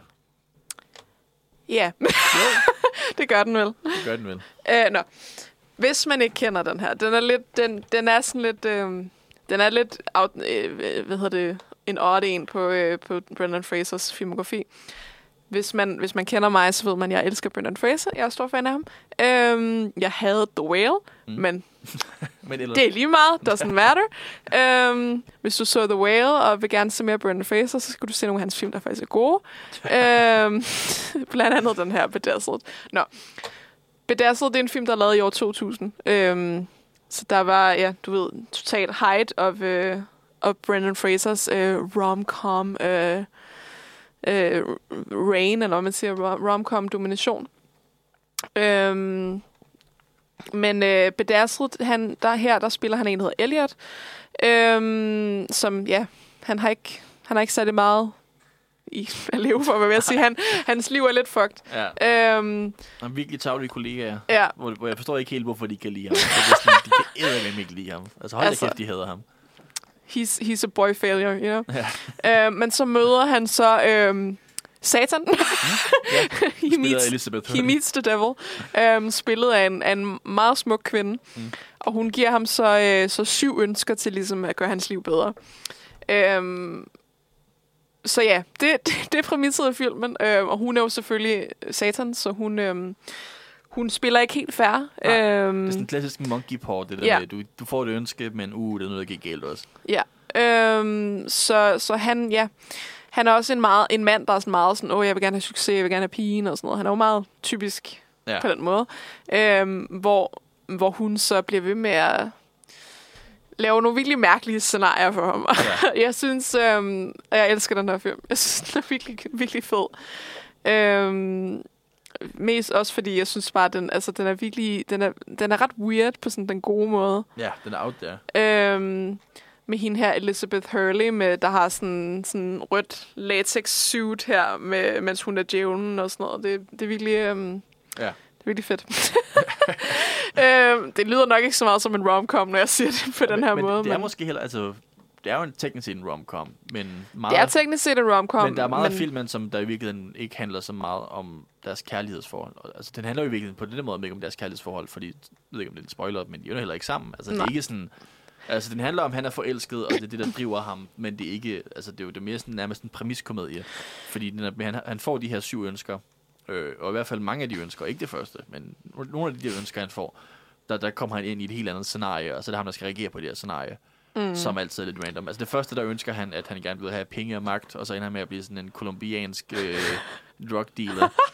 så, så er det Ja. sådan, altså du ved, hvor han lige pludselig kan han kun tale spansk, og han, har, øh, han, han sælger kokain, og han, og så den, den pige, han er blevet forelsket i, er så blevet hans, hans kone, men hun, hun hader ham, og Ja. i virkeligheden sex med hans, hans yoga-instruktør, eller engelske øh, læger, whatever. Altså du det er sådan en helt andet præmis, mm. hvor i det så er sjovt at se Brendan Fraser, du ved, være komisk. Altså, han, han, er, han er en god komisk skuespiller, fordi filmen er ham, der reagerer til de her meget sådan ekstreme scenarier. Ja, det er sådan lidt, øhm, lidt multiverse-agtigt. Ja. ah, men øh, ja, altså, ja, nu, nu sagde du også, det er jo ikke, altså, det, det er jo ikke, fordi de her to hovedskuespillere er et par, eller sådan, at det, det er ikke dem, der er sådan romantic leads. ja, altså hverken Han- med Brendan og Jillian. Ja. Brandon, han er jo forelsket i en, pige, en kvinde, pi- pige, hvad vil jeg sige, en kvinde? Pige. Er det, er det Frances O'Connor, der spiller hende? Ja. Ja, Frances O'Connor. Fedt Øh. cast alligevel. Øhm, men øh, men hun er forel- han er forelsket i den her dame. Og, øh, og så er det hun, er hende her, Elizabeth Hurley, hun er jo så, ja, en, øh, en seduction. Eller hun er sådan, ja, øh, hun er jo de steder satan, det finder vi ud ret hurtigt. Ja. Øhm, og hun er, hun er virkelig, altså, virkelig god til, til, til det, også til det der komiske, og, øhm, og de spiller virkelig godt sammen, synes jeg. Ja. Og det er meget Øhm, godt, altså det er et sjovt take på Jillian, at hun er sådan, også har den her meget britiske accent, for eksempel. ja. det, det, er meget random, men det, det, passer på en eller anden måde. Mm, Det er også, altså jeg vil lige nævne, den er instrueret af Harold Ramis, øhm, som jo er sådan en klassisk Saturday Night Live alumni-type, der har lavet, skrevet og instrueret rigtig, rigtig mange klassiske øh, komedier. han har lavet Groundhog Day. Han har lavet, han har, han har lavet Groundhog Day, han, var, han har sk- øh, skrevet Ghostbusters og spiller også en af karaktererne, Wow, som er okay. en af mine yndlingskomedier. Øhm, og han er sådan, han, han er generelt, han har været med i rigtig mange ting. øhm, og han, han er også, altså, han, han er god til de her sådan præmiskomedier. Han, han bringer det, han bring, det er det, han bringer lidt til det også, det her med, at det er sådan, okay, vi har det her sjove præmis, hvordan kan vi udforske det på forskellige måder? Ej, han er Spangler, ham Han er der. ja, ja. Ej, Det er ham, der er. Jo, jo. det indså jeg slet ikke. Shit, Jo, mand. Det er, fordi, Øh. det er fordi, jeg så Ghostbusters Afterlife for nylig også. Hvor, Nå, han, okay. hvor han, ja. Ja. Ja. Nej, det er netop, og han er, øh, altså, ja, døde jo desværre.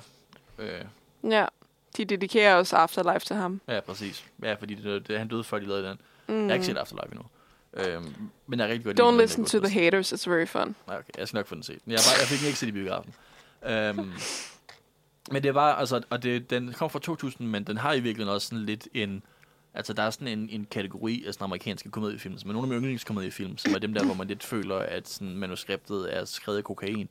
Og det er, sådan, det er lidt sådan, den her følelse også. Ja. Altså, du ved, der er et eller andet, åh, kunne det ikke være fedt? Og så, du ved, for eksempel der, hvor han er en kolumbiansk øh, narkotika dealer, whatever, så er det også bare, altså, er det der, hvor der, er den anden scene, hvor der kommer sådan en masse biler og stunts, og du ved sådan, lige pludselig er der bare tanks, der kommer kørende. Altså, du ved, det der med, bare lad os kaste penge efter det, og de gør en masse vilde ting. Ja. Og det er en relativt dyr komedie også, den her. Ja. Altså, fordi de bare, den tjente ikke så godt, men de har bare kastet ting efter mm. dem. På en måde, som de gjorde rigtig meget i 80'erne. Men det er virkelig sådan, altså det, det, er, altså det er sådan, jeg mener, den er dybt mærkelig. Altså den er sådan så crazy, og der sker alle mulige ting, også fordi det der ønsker, der bare går helt ud af kontrol.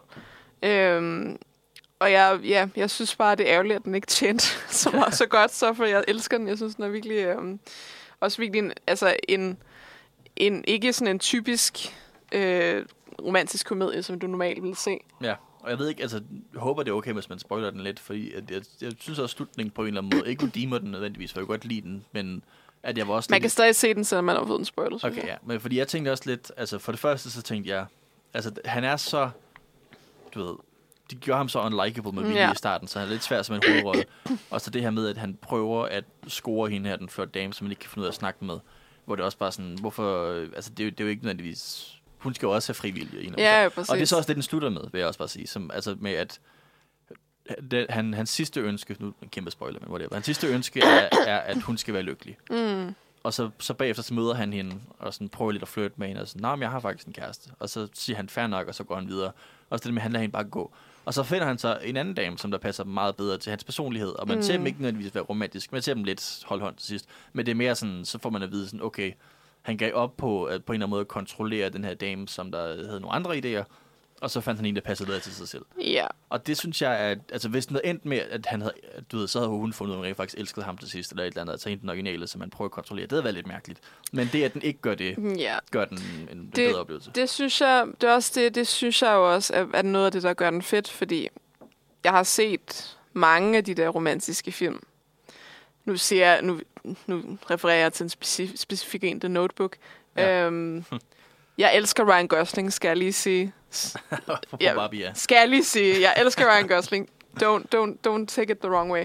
Men The Notebook er jo bare, du ved, en film, hvor, øhm, hvor manden tror med at dræbe sig selv, hvis kvinden ikke går på en date med ham. Ikke? Altså sådan, ja. det, det er sådan, jeg synes, der er mange af de der virkelig heteroseksuelle komedier, hvor, øhm, hvor, hvor manden er meget sådan, du ved, han skal have pigen, og en- ender dame med at indse, at hun er forelsket i ham, eller et eller andet, selvom han er virkelig en creep og sådan noget. Ikke? Ja. Også sige sådan noget som 500 Days of Summer og sådan noget, hvor hun også er en Manic Pixie Dream Girl og sådan noget. ja, det er meget klassisk. Det er Ja. sådan drømmepigen, og så ham, der sådan, og så Ja. finder hun ud af, at han var fantastisk fra starten af. Ja, selvom man er en fucking taber. øhm, så ja, jeg synes, jeg synes, det er meget forfriskende at have sådan en her film. Ja. Hvor, hvor det ligesom, igen, altså, det er jo ikke fordi, det er groundbreaking eller noget, men sådan, jeg synes, det er fedt at have sådan en film. Især, især fordi, jeg ved godt, han er et asshole, men Brendan Fraser er bare så dejlig. jeg elsker Brendan Fraser. Øhm, og jeg synes, det er fedt, at den ligesom, ja, er, er, typisk ikke kun på grund af præmisset, men også på grund af, at, at det er sådan, at, at hovedpersonen faktisk har noget udvikling og lærer sin lektie, og, at, Ja. og det er måske også i virkeligheden er et eller andet med, at, at romantik ikke altid er svaret på at fikse sit liv på en eller anden måde. Ja, ja. Øhm, er også, ja. Og han prøver jo ligesom at fikse sit liv med at, med at gøre alle de her crazy scenarier og sådan noget. Ja. Og, og og så- med at ønske sig selv som mere perfekt. Sådan, Ja. Kan jeg være rig? Kan jeg være klog? Kan jeg være... Og det, er jo, og Atletisk det er og jo i virkeligheden ikke, altså det hjælper jo alligevel ikke. Nej. Det gør jo det bare det hele meget værre. Ja. Øhm, nu så jeg også bare lidt review på Letterboxd, hvor der står det der. My favorite part is when Brendan Fraser's character wishes she was incredibly good looking, and then it cuts to him with a slightly different haircut. øh, men ja. Ja. Men ja, det synes jeg er virkelig fedt, at den på den måde adskiller sig fra mængden. Øhm, så det synes jeg også helt klart er en, er en god grund til at se den alene. Øhm, og den har jo så ja, meget nul og humor. Og, Ja, det, det er meget sådan, det, det ender med at blive sådan lidt, at det, det er garanteret sådan en film, som du ved, da den kom ud, og nok lidt efter havde været lidt for kitsch, folk var sådan, "Ej, jeg gider ikke Mm. det, det for whatever. Men at den nu, så bliver det nærmest lidt nostalgisk. Altså, der er godt nok, der er lige den der joke, hvor han for eksempel, han ønsker, at han bliver sådan klog og flot og det ene og det andet, og så er Monkeys Paws delen af det, så han er homoseksuel, så han ikke er forelsket alligevel. Og det er jo sådan lidt, det er meget nulleragtigt. ja, Øh, og det, altså, det, jeg ved ikke, jeg føler ikke, det føler ikke, det var ondsindet nødvendigvis, Nej, men det var nej. i hvert fald sådan, oh, jeg okay. føler ikke, det var homofobisk. Ja, nej, men det er der, ja. vi var. Altså, det, Ja. er sådan, det er en meget nulleragtig joke. Meget nuller. Øh, og det, det, det, altså, det har jo nærmest igen lidt, lidt kitsch-værdi at se tilbage på det. Altså, nej, det var, det var hyggeligt nok. Altså, Mm, sådan, ja. En simplere tid. det, Det var før 9-11. Ja. Før 9-11. Sorry. nej, nej, nej. Ja, Too real. det, det er fair. Om det er jo en ting, det der film ja. før 9-11 og efter 9-11. Jamen, det er et oprigtigt, Øh. at bagefter så bliver vi meget mere kyniske. Ja. Ja. Og det kan man godt mærke. Øhm, jeg synes, jeg synes også bare, jeg synes også bare, at det passede at, anbefale den her, fordi The, Bren, the Renaissance, The Ja. Brendan Fraser Craze. Ja, det er rigtigt. Jeg har ikke set øhm, nok af hans film. Jeg har set Mumie-filmen og sådan noget. Og Crash, men den er ikke særlig The god. Mummy er, altså, The Mummy er jo ikonisk. Altså, Ja. The Mummy, prøv at høre. Bisexual Awakening, right Ja. here. Altså, ham og uh, Rachel Weisz. Ja. What the fuck. Også hende der, der spiller... Øh, der er også, jeg ved ikke, hvad hun hedder. Der, jeg har faktisk også set nogen, der synes, at Mumien er ret lækker. Det sagde jeg måske ikke Mumien? helt. Ja, ham her, han spiller Mumien. Ja. Det er jeg måske ikke helt enig i. Men, men altså, different things for different people, I guess. Um, han er også virkelig god i George of the Jungle, skal jeg lige sige. Ja, det var næsten også det, du Den øh, er- sagde, ja. jeg skulle se til i dag. Den er, den, den er crazy. den, den er virkelig mærkelig. Um, der er John Cleese som en talende gorilla. Nå ja, selvfølgelig. Um, meget mystisk film. Um, Og Svend Ulle Thorsen er med, kan jeg se. Hvad? Svend Ulle Thorsen. Sådan en dansk bodybuilder, som er ven med Arnold Schwarzenegger. Okay. Ja. Han er en af de der ø- ø- skurke mercenary punk. Ja. Nej, men han er, øh, han er Arnold Schwarzeneggers gode ven, som der sådan har en masse cameos, fordi hver eneste gang Arnold Schwarzenegger lavede en film i 80'erne, så har Svend Ulle Thorsen lige sådan en enkelt dukker op i to Wow, sekunder. okay. Jeg lærer en masse ting i dag. Ja, ja. Øhm, ja. Ellers har du set Gladiator? øh, nej, Ja, okay. Nevermind. han har bare en rolle i det. det er okay. Det er sådan hans eneste sådan, ikke Arnold-rolle nærmest. Ja. Og så den her i Georgia. øhm, George of Jungle er fra 97. Den er virkelig fed. Har også virkelig 90'er humor. Øhm, og der er øh, næsten, næsten øh, full frontal nudity af Brendan Fraser. Ja. Ikke fordi jeg skal promovere det eller noget, det er bare... Øhm, Nu er man informeret. nu er man informeret om Herhjemme. det, og så kan man tage et valg baseret på det. Ej, okay. Det, sorry, I'm, not, I, I'm, no better, I'm, I'm no better than a man, kan man godt høre. Øhm, ej, den er også virkelig fed. Øhm, jeg synes bare, at jeg, jeg vil gerne fremhæve, fordi jeg ikke kunne lide The Whale, jeg vil gerne fremhæve, at han er virkelig god komisk skuespiller og, øhm, og virkelig charmerende. Og, øhm, Ja, det er så også det. I love it. Fordi Øh, altså, han har jo den der renaissance nu, hvor han lige kommer tilbage. Mm. Og han er jo med i... Øh, hvad er Killing of the Flower Moon, hvad den hedder, den nye Ja, Scorsese Killers film. of the Flower Killers Moon, the Flower øh. Martin Scorsese's kommende. Så, hvor det også bare, altså det er fedt, at han er tilbage, det er fedt, at han får nogle nye roller, men jeg vil også gerne se ham med lidt mere komisk. Han er godt nok, han har været med i øh, Doom Patrol, hvor han Ja. fald lægger stemme til Robot Man, som er, der er en ret sjov.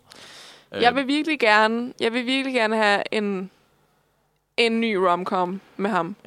Ja, eller bare et eller andet, hvor han er komisk generelt. Men romcom, fair nok. Jamen det altså, det, jeg vil virkelig gerne have en romcom med ham, især fordi nu er vi i en tid, hvor vi kan lave romcoms, der ikke er i den formel, som det plejede at være. Og det, jeg synes, det er sjældent, man ser, du ved, en romcom, hvor det er sådan, åh, og han er, du ved, er sådan en, med sådan en, en, en, en som ham, der er sådan far eller, eller ja, sådan. Ja, i 50'erne og, Ja. og lidt overvægtig. Og, ja, altså det kunne være fedt at se ham i den. Det synes jeg kunne være mega fedt. Det kunne være charmerende. Det Og synes han vil jeg. stadig være god til det. Eller han kan spille far til en hovedperson i en romcom. Det ja, kunne ja. han jo også. Eller han kunne spille djævlen. Det kunne han også gøre. Bedasset, bedasset to, og så har han overtaget som djævlen. Det kunne han også gøre, Ja, hvis han har lyst til det. Øhm, Airheads er også god, vil jeg også lige sige. Sorry. Ja. Øhm, som er øh, ligesom, ligesom Dog Day Afternoon, faktisk. Nå, okay, ja. Samme præmis. I'm, I'm not even joking. Nå, altså, ja, den, er, ja, ja. den er også meget øhm, rebelsk og anti-cops og sådan noget. Hvor, hvor det er ham og Adam Sandler og øhm, Steve Buscemi, der, øhm, der overtager en, øh, en, en øh, radiostation, fordi de er et rockband, som ikke kan få succes. øh, total rock and roll, anti-cop, anti-government. Okay, ja. Du Mega sælger fedt. den godt. Du sælger den godt. Jo, tak. det, øh, det vil jeg bare lige sige. Den er fed. Øhm, men ja, Brendan Fraser er nice. Ja, ham kan vi godt lide. Øhm, ja, jeg ved ikke, hvor meget mere jeg har at sige om Bedazzled. Det er ikke, fordi jeg kan sige så mange kloge ting om den, men øhm, Ej, altså det er jo nok den, der, der er mindst sådan kommentaragtig. Altså den har jo igen det her med, at han til sidst finder ud af, at kærligheden ikke var at, at du ved, kontrollere en kvinde, men at Ja. finde en, der passer bedre. Whatever. Men det er ikke sådan, det er jo ikke den tungeste film, men det er også, altså der er et eller andet for den slags film, som bare er sådan, du ved, altså det, det føles virkelig som sådan en, en slags komedie, vi lidt har tabt på vejen. Sådan Ja. Det der med, nu skal vi bare have det sjovt og gøre nogle vilde ting og store præmisser, og det er ikke bare sådan Adam Sandler, der står og snakker med en øl i hånden i to timer. Altså, du ved, der sker ting i den her film. men jeg synes, jeg synes bare... specielt effects med. Altså, det, på et tidspunkt spiller han sådan en, en 2,5 meter høj basketballspiller, Ja. og der er sådan effects, der gør ham høj. Altså, du ved, de, de har gjort noget ud af det, hvor de ikke bare har filmet. Jamen, jeg synes virkelig, man har brug for sådan nogle... Ved, altså, hvor det er sådan... Altså, bare virkelig syrede komedier. Jeg synes lidt, at vi har, vi har mistet de der, hvor de er bare sådan helt vildt underlige, og virkelig syrede, og virkelig... Altså, også det her med total high, altså kæmpe koncept med, med alt det der med djævle ting og sådan noget. Ja. Øhm, så jeg synes, det er virkelig sådan en, en subgenre måske af den, som jeg, jeg gad godt at have tilbage. Øhm, også med, ja, hvor, hvor kitschet den er, og hvor camp den er. Øhm, så det er helt klart nok en sådan kult film, tror jeg nu. Ja. Øhm, Ja, jeg føler, der er mange, i hvert fald også, man, man hører folk snakke om den, hvor det er sådan, da den kom ud, var den ikke så kritisk elsket, men der er mange, der i dag sådan, elsker det, min yndlingskomedie-agtigt. Mm. Hvor den har, fu- den har fundet sit publikum. Og det er ikke nødvendigvis alle, men der er bare folk, der er sådan, det er lige præcis den her slags sådan, mærkelige, jeg havde brug for. Ja, det, øh, det synes jeg er godt. Fordi synes jeg også er godt. Det fortjener den. Især, den får jo nok også meget af det der på grund, igen på grund af Brendan Fraser. Ja. Øhm, Det kan og det fortjener han jo også. Det, det er fedt. Øhm, fordi hans, øh, hans rom-com era er bare genial. Ja. Øh, der var noget andet, jeg ville sige, men nu har jeg glemt det. Øhm, typisk. Øh, jeg tror ikke, jeg kommer til at huske det, Nej. men det er lige meget. Øhm, ja, det er en god måske... film. God film. Ej, det, altså, den, den er virkelig anbefalesværdig. Jeg synes, den, øh, jeg synes, den er helt sådan... Unlike any other comedy, any other romantic movie I've ever seen. Øhm, så jeg tror også, hvis du, hvis du er sådan en person, der ikke kan lide romantiske film, decideret, eller ikke kan lide komedier, decideret, så tror jeg Ja. stadig, at du vil kunne lide den her. Øhm, fordi den er så kitschet, og så weird, og så anderledes. Ja. Og det Jeg synes jeg bare er cool. Jeg tror også, og det er ikke for at ende på, hvad man måske kunne kalde en negativ note, men altså, fordi det er ikke lige præcis min niche, det her. For jeg grinede Mm. ikke så meget af den, som jeg havde lyst til. Fair.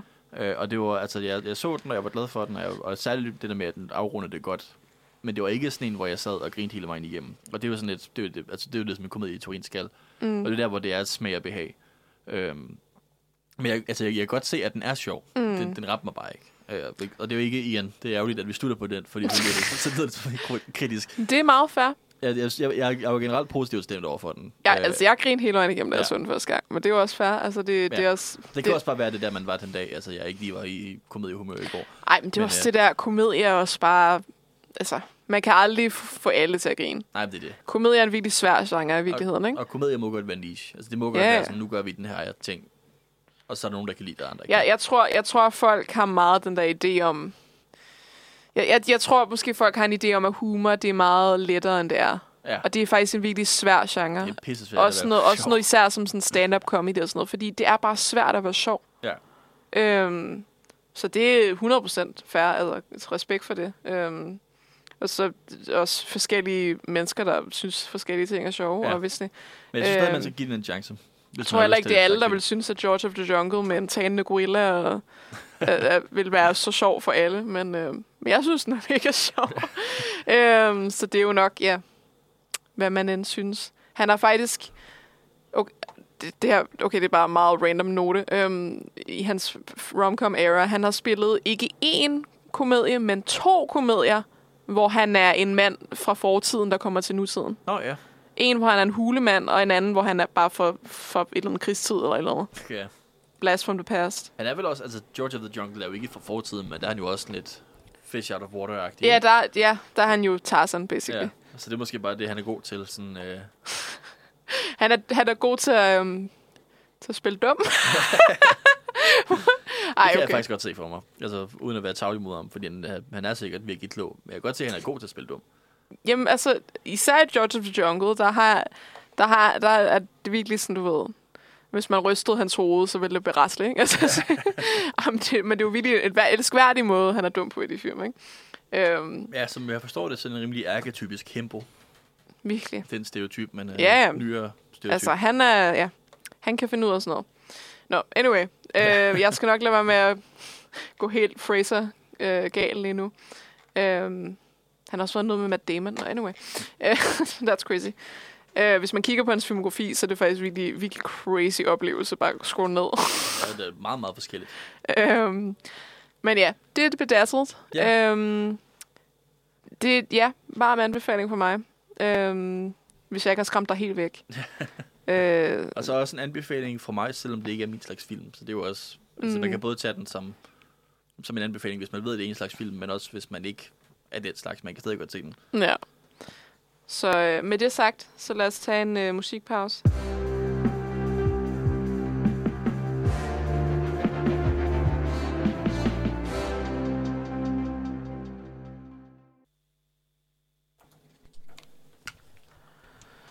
Alright. Vi har en sidste film tilbage. Øh, hvad var det for en sang, så jeg skal lige... Øh, byens bedste er hvem? Byens bedste.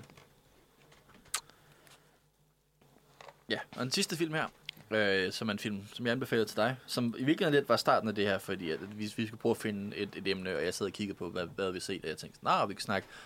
Altså, jeg tænker også, man et emne kunne for eksempel have været sådan en film, der ikke er amerikanske. Og så tænkte jeg, Mad Max, den er fra Australien. Det kunne man snakke om. Fordi jeg tænkte, du har sandsynligvis set Fury Road. Men det havde jeg så Og ikke. det havde du så ikke. Og det var så derfor, okay, så skal vi finde en undskyldning for, at du kan få se Fury Road. Der er lige øh, nogle larmer udenfor, det beklager jeg. Der var noget Fury derude. Der er noget Fury, der er noget Fury på vej. Øh, Øhm, Men ja, og det er så, altså det er en, øhm, det er en film, som jeg er rigtig, rigtig glad for. Og som også, altså det var, i virkeligheden så tror jeg, at Mad Max filmserien lidt var starten af sådan min, min niche filmsmag. Fordi det var sådan, jeg opdagede den lidt af for mig selv. Der var ikke nogen, der anbefalede det til mig. Jeg op lige pludselig var jeg bare sådan, nej, jeg prøver at se de her Mad Max film. Sådan australske, postapokalyptiske, whatever film. Virkelig low budget. Øh, og så blev jeg ret glad for dem. Og så blev den her Mad Max Fury Road annonceret, kan jeg huske. Øh, den, altså den kom ud i 2015, jeg ved ikke, når den blev annonceret, det må så nok være der omkring sådan 11 eller 12, for den tog ret lang tid at lave. Øh, og jeg kan huske, at jeg sådan, "Ah, det kommer aldrig til at være god, det kommer til at være noget lort. Og jeg var sur over, og nu, du må, du må du, jeg bliver nødt til at sige undskyld på forvejen med det, fordi jeg var teenager dengang. Jeg var sur over, at de havde recastet med Gibson. I dag vil jeg gerne sige fuck med Gibson, men det vidste jeg ikke som 15-årig. Character development. øh, og du ved, George Miller, som havde lavet, altså siden, at han, han instruerede halvdelen af Mad Max 3, fordi der var noget tragedie, der gjorde han lidt trådt fra den. Øhm, siden da havde han lavet sådan Babe 2 Pig in the City. øh, og Happy Feet. Din yndlingsfilm, Min ja. yndlingsfilm, ja. Øh, og, og sådan, du ved, en masse børnefilm, og sådan, hvordan kan han nogensinde lave en Mad Max-film igen? Og så så jeg den så i biografen, og jeg var sådan blæst tilbage i sædet. Jeg var fuldkommen op at køre over den. Øhm, og det er nok en af de film, som jeg har set flest gange. nærmest. Okay. Altså, jeg har set den, fordi jeg havde den, jeg var blevet helt op at køre over den, og jeg havde den på Blu-ray, og den Blu-ray, jeg købte den på, der, der fik man sådan en, øh, en download-kode, så man kunne downloade den på en app, så jeg havde den på min telefon, og jeg sad bare og så den i min telefon. Jeg, altså, jeg har set den så mange gange, og jeg har ikke set den i et par år nu, men jeg så den så lige i forgårs, fordi det var sådan, nu vil jeg gerne snakke om mere. Og det var stadig lige så god. Det var stadig lige så god. Og det, det er også, altså nu er der nostalgi for den, fordi det er godt nok, 15 er jo stadig sådan en relativt ny film, men det er alligevel også, det er 8 år siden, så jeg, jeg, jeg er blevet ældre. Øhm, Ja. og du så den, og du kunne også godt lide den, i hvert fald. Jeg gav den fire stjerner ud af fem. stjerner, ja. Jeg kan godt lide Det synes jeg er. Fire stjerner er godt. Det er godt, ja. det, det ikke... Du er bare ikke lige så blæst tilbage, som jeg var, men det er så også, Uh, nej, jeg, ja. jeg havde Jamen, min jeg- baggrundshistorie til, jeg synes, jeg var helt vild, jeg var vild med den. Øhm, jeg skulle lige sådan gennem halvdelen af den, før jeg ligesom fattede, hvad det var, der, der skete. øhm, men det er, fordi jeg ikke rigtig fik så meget kontekst. Øhm, jeg ved ikke, om det, det er måske min egen skyld, at jeg ikke lige havde læst op på loven, men øh, Ja, altså det er, der er ikke så meget lore i virkeligheden. altså, George Miller, han er også lidt sådan notorisk for at ikke give en fuck omkring kontinuitet. okay, fedt. Det, altså, i Øhm. øh, skuespilleren, australske skuespiller Bruce Spence, spiller øh, en pilot i Mad Max 1, og han spiller en anden pilot i Mad Max 3, og det er ikke den samme karakter. Okay, fedt. Og, og det er bare Bruce Spence i begge film, og det er sådan, altså det, han er fuldkommen ligeglad med, at det er den samme skuespiller, der spiller to karakterer, der minder om hinanden. Okay. Det, det, det, der, er, der er ingen kontinuitet der. Ved du hvad, ved du hvad, så har jeg det ikke dårligt med, at jeg at jeg har læst lov. øhm, no, Men, og det, er- det er også lidt et reboot i virkeligheden. Altså det, er- det er sådan både en efterfølger, men også ja, lidt det, det stod der, det var et reboot. Ja. Øhm, Altså i Mad Max 1, der har han en søn, i Mad Max Fury Road har han en datter. Who cares? Altså det er sådan, ja, okay. det, er der, det er der, vi er. Øh, altså, ja, hva- altså, men jeg fattede det til sidst. Altså, det er en, øhm, en post-apokalyptisk verden. Ja. Australien, specifikt. ja, specifikt Australien. Fordi det, det er Australien af verden. Nå, øhm, men øh, det, det er sådan et, ja, en post-apokalyptisk setting, hvor, hvor som jeg forstod det, så, så er der tørke. Ja, Nej, er der sådan, vand er meget sjældent nu. Vand er næsten blevet sådan noget, man handler med. ja og, og, og jorden er sådan blevet sur. Altså du Ja. ved, det, den er sådan, der er blevet syrisk. Altså det, det, det, verden er gået i sådan øko-disaster. Mm. Man kan ikke plante flere ting. Ja. Og det er, det er jo sjovt, det der med, at den foregår i Australien, som jo også bare er en ørken. Altså, så det, jeg ved ikke, hvor stor en forskel det gør. Ja. Men Altså, Øhm, ja. Men ja, det er jo så... Øh, nu, nu sagde du jo så også, øhm, at ham her... Øh, Max... Max, Ma- Max, Matt, Max Matt, Rokatansky ham, øh, the ma- ham der Max, who is mad, Ja. øhm, han, han blev så egentlig spillet af Mel Gibson. Øh, de har så recastet ham med Tom Hardy. Ja, er Øhm, hvad? som er bedre. Det kan jeg ikke udtale mig om, men Ja, jeg håber... jeg Men jeg, jeg, jeg, altså, alt er bedre end Mel Gibson, vil jeg sige. Ja. Øhm, og så har de jo så... Øh, Simon Charlize Theron, Charlize Theron, Charlize Theron, ja, Ja. det vil jeg sige i hvert fald. øhm, Som, som, Furiosa. som spiller Fiosa, øhm, som nærmest er en større hovedkarakter end Ma- Max er. Ja, helt klart. Øhm, men ja, det er egentlig... Ja, det her det er en joke, den er stadig en god film. Det er jo egentlig bare en, en lang... Altså en lang øh, car chase. Ja. en, hel, en hel film, Ja, ja, der bare er en det- car chase. Det, det er en roadtrip film, det her. Ja.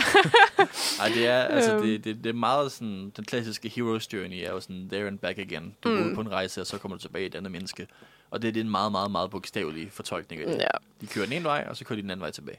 For jeg havde, jeg havde set nogle jokes om, om den her film med sådan... Beskriv plottet. Bare sådan, de kører ud med noget vand, og så kører de tilbage igen. så sådan, that's it. Øhm, men ja, jeg synes, jeg synes, det er en ret... Altså, det, det sagde jeg også det her før. Det er sådan den svedigste og mest beskidte film, jeg nogensinde har set. Og det er virkelig, altså sådan...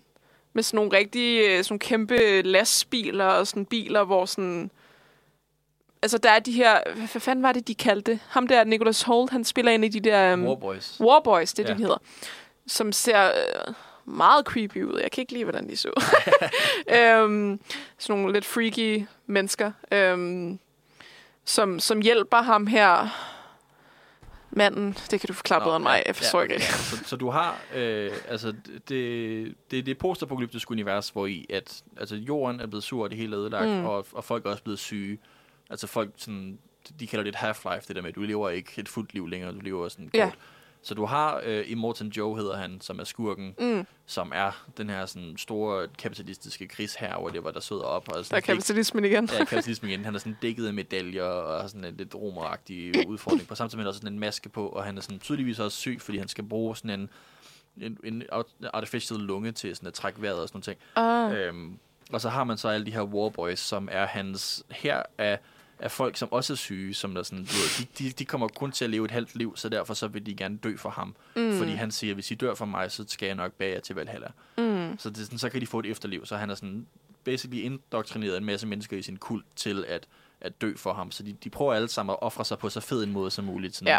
de, de, du ved, der er mange, der sådan gør et, et, et, et selvmordsangreb, og så siger de alle sammen sådan, witness me lige før. Fordi hvis man ser, ser dem begå deres... Altså, der er rigtig meget sådan baggrundshistorie, der er blevet udviklet i den her film i det visuelle, og i, altså, de stopper sjældent at forklare det, men jeg synes virkelig, der er rigtig mange fede detaljer i, i hvordan det system for eksempel fungerer. Øhm, og så har du så også, altså ham i Morten Joe, han har sin egen, øh, altså han, han, er sådan, han bor, der er sådan en mærkelig bjerg i midten af den her ørken, hvor han bor oppe i toppen, og så alle pøblen, de bor nede i bunden, sådan blevet, lever basically hans rester. Oppe i toppen, der har han sådan for eksempel sådan nogle, nogle, nogle mødre, som han malker for sådan menneskemælk, fordi det er igen det der med, at de skal bare bruge de ressourcer, de har, og du ved, de, har, de vokser de ting, de kan, og de har whatever. Øhm, altså det er meget sådan genbrugs, altså det er, alle de biler, de har også bare sat sammen af ting, mm. og du ved, øh, Furiosa spillede Charlie Theron, hendes arm, hun er, sådan, hun har mistet den ene arm, og hendes prostese af en arm er også bare sammensat af sådan et værktøj. Altså man kan bare se, at der er sådan en skruetræk eller et eller andet. Sådan, Mm. jeg elsker den måde, universet er bygget op på i den her film.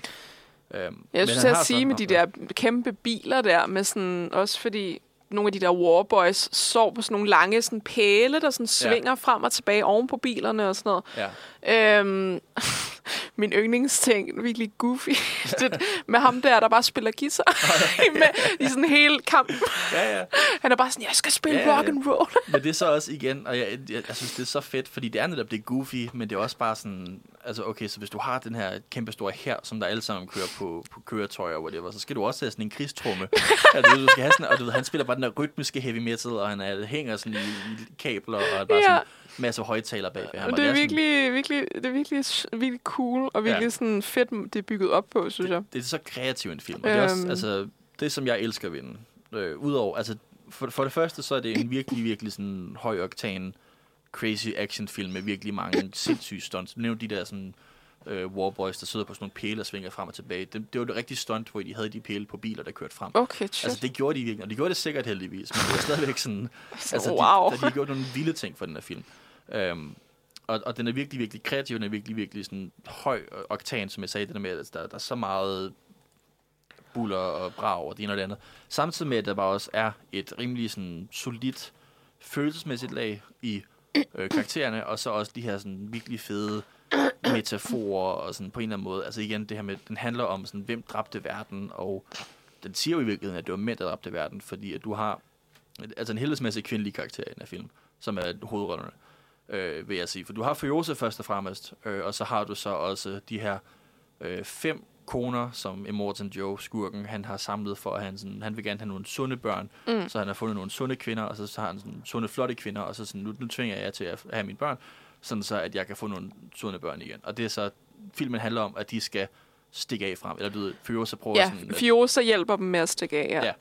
Øh, og så kommer de så ud i ørkenen, og så møder de så den sejeste fucking motorcykelbande af sådan gamle bedstemødre, som der bare, altså alle sammen sådan nogle, du ved, øh, 70-80 år, hvor gamle de nu er, sådan, som der bare er sådan fuldkommen indrynket af, også bare det der med, hvis man forestiller sig at bo i en australsk ørken i, i du ved, 70 år, den måde, de ser ud på, at de bare samtidig med, at de bare er så seje og fede, og altså, du ved, det, den, den, den opsætter jo i virkeligheden sådan maskulinitet mod femininitet på en Det er eller anden måde. fucking fedt at se ældre kvinder, der sådan sparker røv. Ja, og er sådan det. slår mænd og sådan skyder dem og sådan Ja. noget. Mega fedt. Og jeg kan bare forestille mig lige at være de, de kvindelige skuespillere, som netop kommer lidt op i årene, og det der med på et tidspunkt, særligt i Hollywood, når du er blevet lidt ældre. Så Ja, når sådan- du er over 40, så er Ja. der ikke nogen, der vil kaste du, dig du mere. kan spille mor, eller du kan spille heks. Er Ja. de to roller. Og så det der med, sådan, har du lyst til at spille sådan en badass biker apocalypse bedstemor? Sådan, ja, der er. Ja, tak. Ja, Altså. tak. Det er en fed rolle. Mega fedt.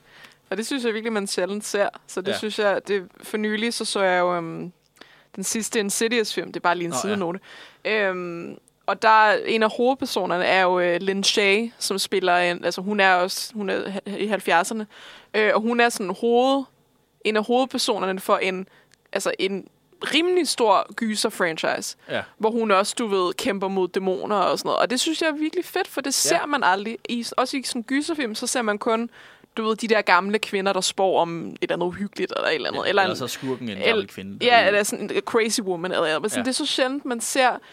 Altså, nu, nu ved jeg heller ikke, om det er det samme med, med, med ældre mænd, men sådan, ældre kvinder specifikt er bare sådan, du ved, når, du, altså, når de når en vis alder, så er de ikke lækre mere. Så kan de ikke spille de der roller, som de unge kvinder får. Det er lidt det, vi snakkede med øh, Ja. Brendan Fraser i virkeligheden. Altså, Præcis. Han får heller ikke de roller længere, selvom man godt kunne Ja. spille dem. Øhm, så jeg synes, det, jeg synes, det er virkelig... diversitet, jeg ved det ikke. øhm, jeg synes, det er virkelig cool at, sådan, at se de her ældre kvinder, der sådan kører på motorcykler og, sådan, Ja. ja. og, sådan slår, og sådan slår folk med geværer og sådan noget. Det er mega fedt. Og, og det er heller, altså jeg har ikke lyst til at kalde hende gammel overhovedet, men da Charlie Theron lavede den her, var hun også 40, tror jeg. Ja.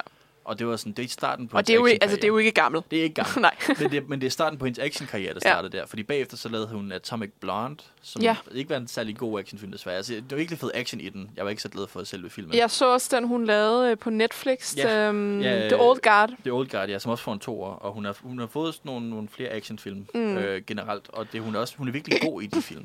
Altså, Mm. hun, er, hun er virkelig god i den her, hold da kæft, hun, hun sparker røv, og virkelig sådan, Hun er mega fed. hun giver den hele armen. Altså, der er, der er tidligt i filmen, så er der en actionscene, hvor i at Max og Furious er slås, og det er bare sådan, altså i forhold til, at der er så mange actionscener i den der film, der er sådan 100 biler, der springer hinanden i luften. så det her med, at det er bare sådan, de to, der slås, og så har du de fem øh, i Morten Joes koner, som der ikke rigtig har været i nogen konfrontation før. Man kan bare se, de er sådan helt tynde og flotte, som også prøver at være med, men de kan ikke helt finde ud af, hvordan man skal finde ud af en actionscene.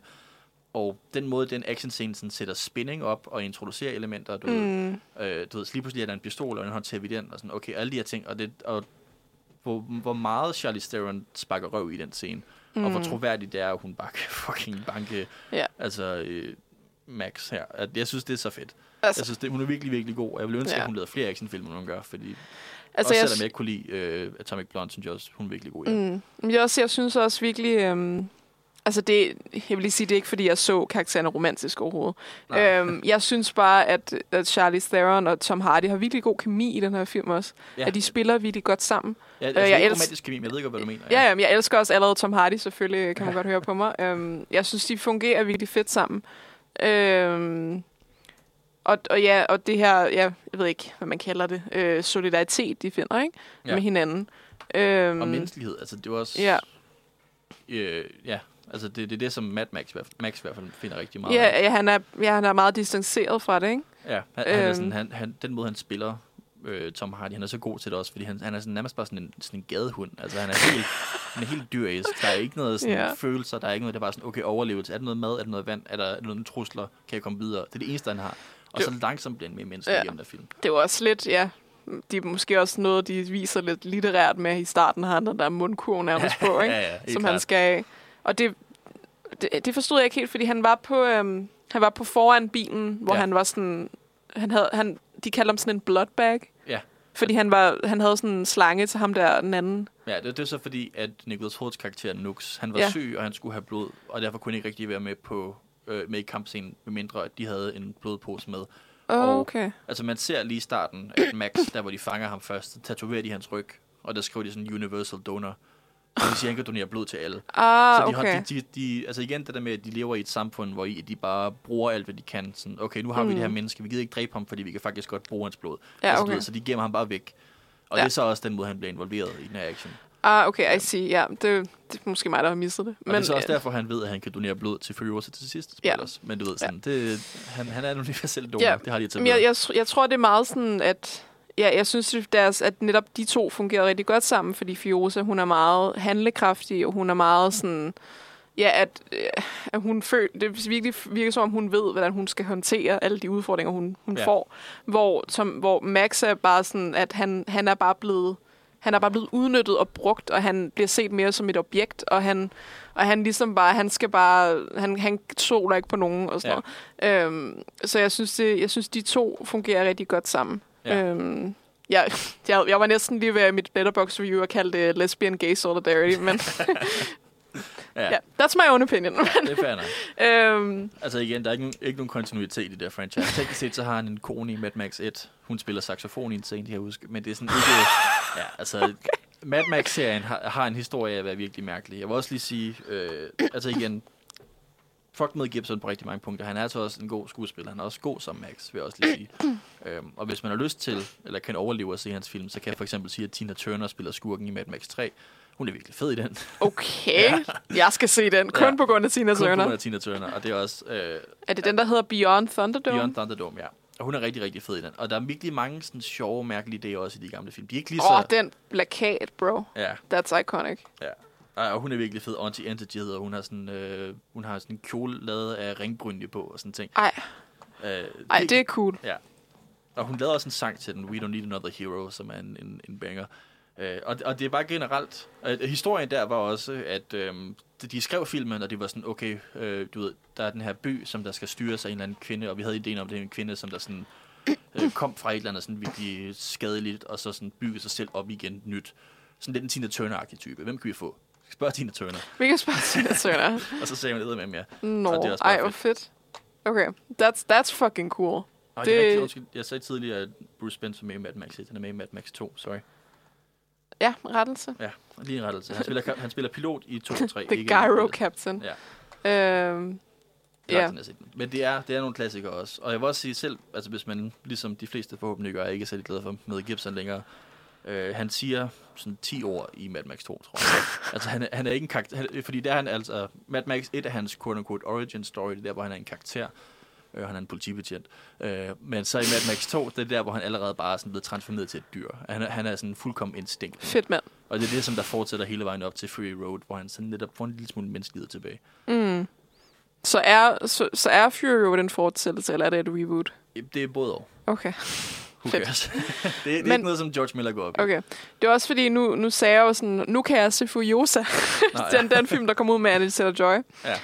Er det, er det en origin story for hende, eller er Det- det en Det fortsættelse? er i hvert fald en prequel. Okay, super.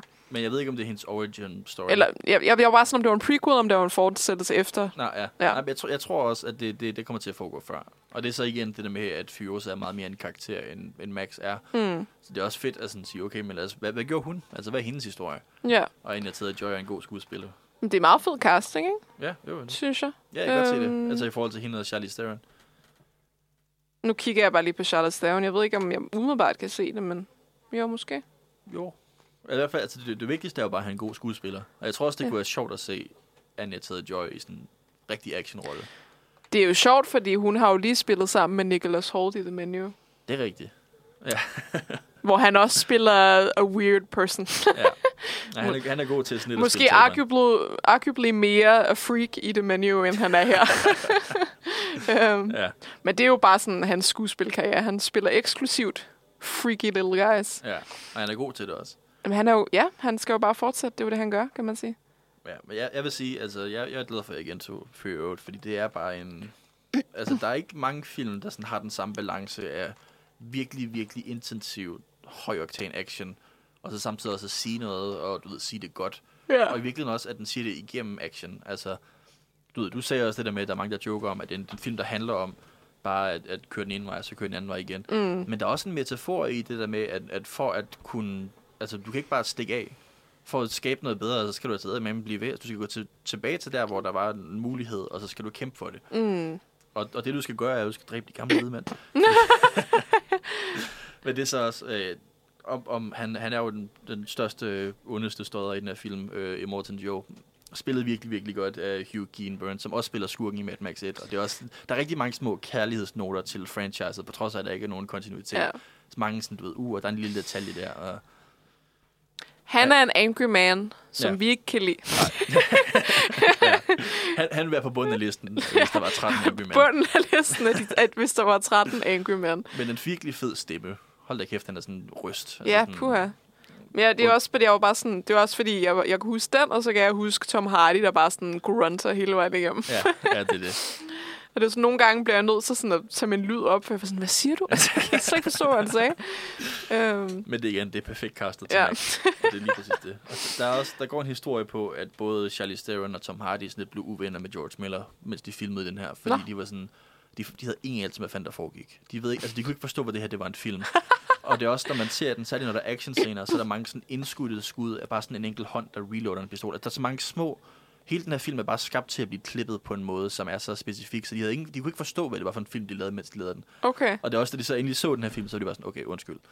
Du havde en idé, vi kunne bare ikke se den, da vi filmede. Fordi det var, altså...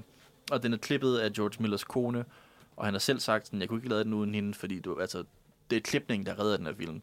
Den, den er så kaotisk, og den er så Okay. voldsom, men der er så mange øjeblikke også, hvor i at... Øh, altså, altså, du ved, for eksempel, når der sker alle de her store ting, at, at at den klipper sådan, så hvis noget bevæger sig fra højre til venstre, så næste gang, næste klipning, der ser du noget til venstre, som så bevæger sig til højre. Altså, du ved sådan, dine øjne følger action meget naturligt. Ja, Øhm, det er faktisk meget interessant. virkelig, virkelig godt klippet. Mm. Øh, undskyld, jeg rander så meget, men det er bare en film, jeg kan Jamen, snakke det, om det skal her. du slet ikke undskylde. Det er mega fedt. Altså, jeg synes, jeg synes også, den var mega fed. Jeg var sådan, jeg skal i hvert fald, jeg skal i hvert fald tilbage og se den der med Tina Turner der. Det kan jeg da Ja. helt, hun er helt 100% sige.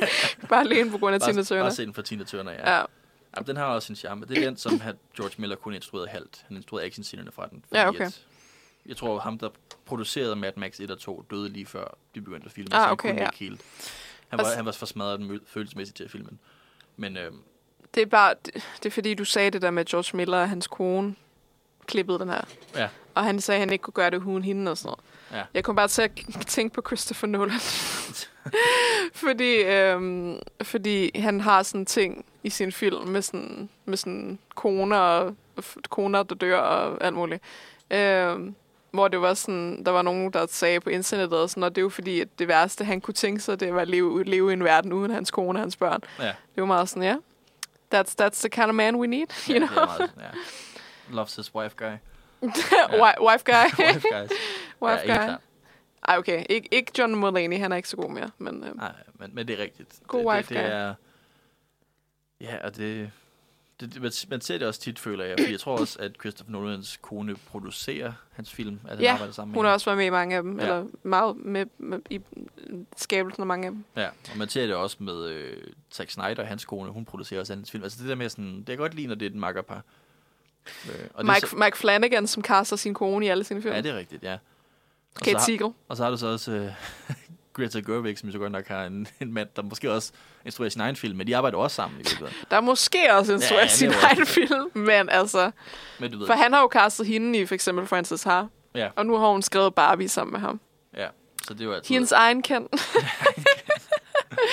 Eller noget. Ja, Øh, ja. Ja, Norman Bamberg, ja. Det er det, glemte, lige, den hed, sorry. Ved du Ja. hvad, det er også okay. Ja. Greta Gerwig er den vigtigste. Godt, jeg glemte hans navn, Sorry til Noah Baumbach fans, I guess. Men... ja. Nej, men han laver nogle gode film. Men det er stadigvæk bare... Jeg kan godt lide, når der er sådan på en eller anden måde, at der er kærlighed involveret i et sæt. Ikke bare fordi, Ja. ja. at alle skuespillere åbenbart er sex med hinanden, hvilket, det, hvilket er rygter om er rigtigt, at de bare alle sammen konstant... Altså, ved, der er et stort forbrug af kondomer i Hollywood. Men også bare, at folk er gift og rent faktisk elsker hinanden, og Ja. laver ting sammen, og det på en eller anden måde bliver en, en gæst. Vi mangler sådan gode Hollywood couples. Ja. Det er sådan... Jesse Plemons og Kirsten Dunst, synes jeg, er sådan en af de få sådan, Ja, det er rigtigt. ikoniske Hollywood couples, jeg kan tænke på. Jeg ved ikke, hvem det ellers skulle være. Jeg elsker Jesse Plemons og Kirsten Dunst. Ja, det er I- også- det er godt so par. good. Um, Jeg synes også, der er mange, der efterhånden begynder bare at blive, blive gift med du ved, folk uden for Hollywood, og så bo et relativt stille liv ved siden af. jamen det, ja, det er vel også fair nok. Det er bare sådan... Det er bare ikke så godt drama. det er bare ikke så godt, øh, så, så godt consumerism for os. øhm, fordi Greta, I mean, Greta Gerwig og Noah Baumbach er også rimelig, Ja. rimelig fedt par, hvis man ser bort fra hans skilsmisse og sådan noget, I guess. Øhm, Blake Lively og Ryan Reynolds. og jeg er efterhånden ret træt af dem, men jo, Ja, det- de, ja, de mødtes på øh, sættet af Green Lantern. ja. Jamen, de, ja, man kan jo godt se, at de er glade sammen. De er bare virkelig udmattende. ja. jeg, De, de er meget... Øhm, jeg har fået nok Ryan Reynolds nu. Øh, de er meget heteroseksuelle på den dårlige måde. Sorry. Nej, det er nok. Sorry til heteroseksuelle folk. øhm, Jeg forstår godt, hvad du mener. ja. Ja, jeg ved, jeg, jeg, måske er alle bare lidt done med hans humor, måske også specifikt Ryan Reynolds. Jeg tror ikke, alle er. Nej, Jeg synes stadig, folk... Altså, alle de der Netflix-film, man laver, klarer sig jo stadig godt. Jeg er. Jeg er færdig. ja, jeg synes også bare, jeg var sådan, nu, nu har jeg fået nok, tror jeg. Ja. Jeg synes, det er meget oversaturated nu. Øhm, hvad andre Hollywood-par er der overhovedet? Jeg så lige, at Sofia Vergara, hun har fået skil, skilsmisse med sin mand. Ja, Joe, øh, Joey, hvad han? Joe Montagna. Noget, I don't know. Og Ariana Grande, hun er også lige blevet skilt, og Taylor Swift har lige slået op med sin kæreste. Altså, there's something happening. Ja. There's something in the water. Hvad er hedder? Sorry. Det, det ved jeg ikke. Joe Manganiello. Nå, ham. Ja, ja. Ham ved jeg da godt, hvad med. Ja, ja. Jeg var det- bare sige sådan Joe, Joe et eller andet. et eller andet. Ja, det, Øhm, det flotteste øh, couple i Hollywood. Har de den titel? Det ved jeg ikke. Det kaldte jeg dem bare lige. Okay. Hot take. øhm, Jeg er en Hollywood insider. Nå, okay, ja. Det, ja. Nu, nu tænker jeg bare på Hollywood-par. Det er bare sådan, det synes jeg bare er sjovt. Ja. Det, det, det er fordi, hver eneste gang jeg tænker på Hollywood-par, så tænker jeg på det der med at Cher. Hun har sagt, at, at det er fordi, hun datede øh, Tom Cruise i kort periode. Oh, shit, ja. øh, og hun har sagt, at Tom Cruise er på hendes top 5 af hendes bedste elskere. og jeg var sådan, Cher, what are you doing? Ja, What is happening? Anyway, ja. now you know that. ja det er også. Jeg kan godt forestille mig, at han er en giver. Ej, nej. Fuck Tom Cruise. Ja, ja, men stadigvæk. Hate him. Um, nå. Uh, Mad Max Fury Road er god. Det er en god film. Komedie på et tidspunkt med alt muligt andet. Og Men det, øhm, det, er vildt nok, at George Miller kunne lave den på et tidspunkt, hvor han var 70. Altså, ej, okay, det er også sindssygt, ja. ja. Shit, mand. efter ikke have lavet nogen actionfilm i, i 40 år. Men det er så også, altså de brugte, altså de brugte sådan overvis på at, øh, hvad hedder det, skitsere den her film, hedder det, storyboarde. Sådan, så de havde bare sådan en kæmpe stor bog af storyboards, den her film, til Fury Road, fordi det sådan, altså den var så visuelt planlagt, Mm. så det virkede mere end et manuskript. Ej, Mad Max The Wasteland. Okay, spændende. Ja, det er så fordi Tom Hardy, han var, øh, da, han, da de lavede den her, så blev han, skrev han så på til at lave, spille Mad Max tre gange. Okay. Øh, så han er teknisk set, så er der to til, de kan lave. Men jeg ved ikke om, om altså George Miller, Miller er 78 nu, jeg ved ikke om han har Nej. Fire film til, hvis han også skal lave Furiosa. Nej. Men jeg håber det, altså, nogen kan. Og Det- altså, Det kan man jo håbe. Øhm, Ja. Jeg, jeg håber også lidt, at hvis de laver flere Mad Max-film, at, at det næste bliver lidt mere stille. Det er måske Furiosa, men mm. jeg tror, det værste, de kunne gøre, var at prøve at være større end den her, fordi den er så kæmpe stor. Ja. Det ville være fedt at have sådan lidt mere, fordi alle de andre film, altså Mad Max 2 handler også lidt om sådan en stor car chase, men det er ikke lige så intensivt. Men de andre film er lidt mere sådan down to earth, og det vil jeg også gerne se mere af. Det kan vi da håbe på. Men øh, ja, det tror jeg egentlig var det, vi havde snakket Ja, om. det tror jeg også. Jeg har lige et kort minut tilbage. Øhm, ja, Det var så den også fra ret uge. det var det. Vi ses i august, kan man Ja. sige. Øhm. Jeg, jeg tjekker lige datoen, fordi så kan vi reklamere lidt for det. Øh, Ja. Men ja, fordi vi, vi overtager jo for Manfred her. Øh, nu er vi lige været færdige med at overtage for Manfred denne uge, og så fra den 14. til den 18. august, der er vi simpelthen i studiet igen, mandag til fredag. Mm. Øh, laver en masse radio, morgenradio. Øh, så hvis man savner os, så er det mere der. Og så Yes. går vi nok i gang igen med normal radio til september-agtigt, Mm. øh, når semestret starter for os studerende. Øhm, så kommer vores ugenlige radioprogram tilbage. Øhm, ja, se Mad Max Fury Road, I guess. Ja, og Bedazzled, og They Live, og 12 Angry Men. Det er Og se, god, og se Babe Pig in the City. og Babe Space. det er en god uh, quintuple feature. En Quintro... Nå, oh, jeg det var lige sådan, det? hvad? Er det det, der hedder? Når det er fem? I- Måske, ja, det ved jeg vist ikke. Det, ja, det ved jeg ikke. Jeg var bare sådan i mit hoved, jeg var sådan, rigtig mange film. Det mange filmer. Øhm, Tak for i dag. tak for i dag. Øh, ja, det var det. Husk at følge Nosferatu på øh, sociale medier. Ja, det øhm, og på vores hjemmeside. Og ja, Ja. goodbye. Tak for dag. Jeg var sådan... Okay, vi afslutter den her.